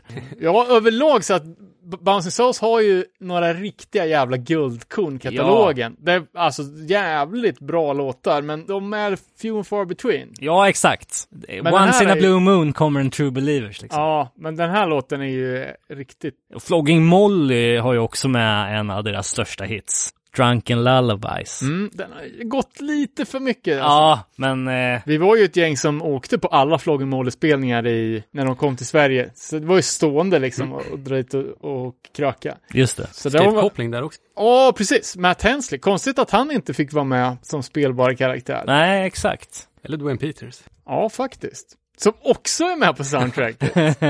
ja, tyvärr, alltså Dwayne Peters som vi sa inledningsvis, apropå punkare som har gått över till the dark side, eh, Use Bombs, har ju en jävligt bra låt med på det här soundtracket. Eh, ligger på Epitaphs underbolag Hellcat, som eh, släppte väl en Fan, en hel jävla räcka bra US Bombs-plattor där på ganska kort följd. Och Hellcat var ju, ett, om jag inte minns fel, ett underbolag som drevs av Tim Armstrong.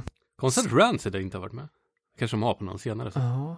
Som var liksom en lite mer punk, lite mer rå Streetpunk, streetpunkig variant av eh, skatepunkiga Epitaph Records. Eh, där har vi också det då nya bandet Distillers. Eh, som eh, frontas av eh, då Brody Armstrong, numera Brody Dale, som var, eh, alltså så, jag vet inte om det är bara jag som har dålig koll, men som kom från ingenstans och bara släppte en sån jävla bomb som ra- rasslade ner i, i punkscenen. Eh, första Distillers-plattan som det står i crediten att hon har skrivit solo. Eh, men som är, man, man får ju direkt intrycket av, eftersom hon var gift med, med, med Tim från Rancid och kom från Australien, boom, hamnade i USA, omgiven av alla de rätta personerna liksom. Hela Rancid-klicken är ju lika bra som producenter som musiker. Mm. Och man tänkte Det att, låter ju jävligt Rancid. ja, att det liksom, eh, ja men typ som att eh, Tim Armstrong satte ihop henne med sina, sina talangfulla polare som gjorde ett band. Eh, men enligt eh, creditserna på den här så är det hon som har skrivit allting. Jaha. Jag kollade, kollade hennes eh, tidigare diskografi och hon har inte, typ inte släppt i princip någonting. Nähä. Förutom ett band som hette Sourpuss. Är det surfitta på engelska? Jag vet inte. Eh, någon så här, det känns spontant som ett, ja men typ så här, rock eh, gymnasieband. Eh, men den CDn har sålts för 2500 spänn. Åh jävlar. En, ra- en eh, Raritet. ja, man underground säga. rarity. garagepunk eh, från eh, Australien 93. Eh, men Distillers har, har ju ett tre svinbra förlängdare på rad där på ganska kort tid. Nu vet jag inte riktigt vad de gör. Kanske vi får Jag tror de släpper soloskivor nu. All right. Kanske vi får gräva lite om vi gör ett Rancid-avsnitt som vi har utlovat. Det har vi utlovat, det måste vi göra. Bara för att liksom wrappa upp det här med Tony Hawk-serien då. Det blev ju en, något av en eh, revitalisering av Tony Hawk-serien när de bytte namn och släppte Underground. Eh, och jag tror faktiskt att det var Underground du tänkte på när du snackade om att man kunde välja typ av soundtrack. För där är det ju kategoriserat mellan punk, rock och eh, hiphop.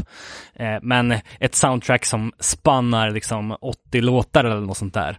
Men eh, det finns jävligt mycket bra grejer där. Eh, och sen så gick det ju ut för med plastskateboards och eh, fan vad allt nu heter. Men eh, man, man came to their senses, återsläppte ettan och tvåan här i höstas med ett uppdaterat soundtrack även då. På Tony Hawk 1 så är det samma, eh, Tony, hela Tony Hawk 2-soundtracket är också samma, men med nya låtar då i form av, ja, influenser från tidigare. Ja, men de har ju petat vissa låtar. Från, Har inte det med rättigheter att göra? Jag vet inte, eller att de inte håller, för det är ju typ vilka är det de har petat då? Evenrude, två, ja, den där Speed Dealer-låten som var två i ett. Ja, Anthrax Bring the Noise, Ja, just Psycho Vision och Unsane. jaha. Så känns det nästan som att de svagaste korten, ja, förutom Bring the Noise då som är bra, Jag trodde Bring the Noise var med på den, men det kanske inte Ja, är. jag kan ha googlat fel. Eh, men det är ju ett nytt soundtrack, bland annat svenska Viagra Boys är med, på väg att eh, bli eh, världens största band kanske. Ja. Slow Learner.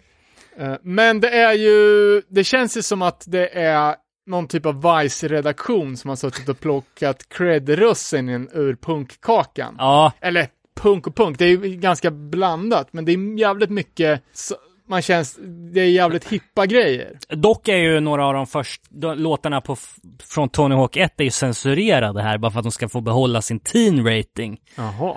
Va? Ja, Eh, ett, av, ett av de nya ba- banden som är med som, som jag tyckte stack ut som det absolut bästa var ju Rough Francis, har ni hört det? nej.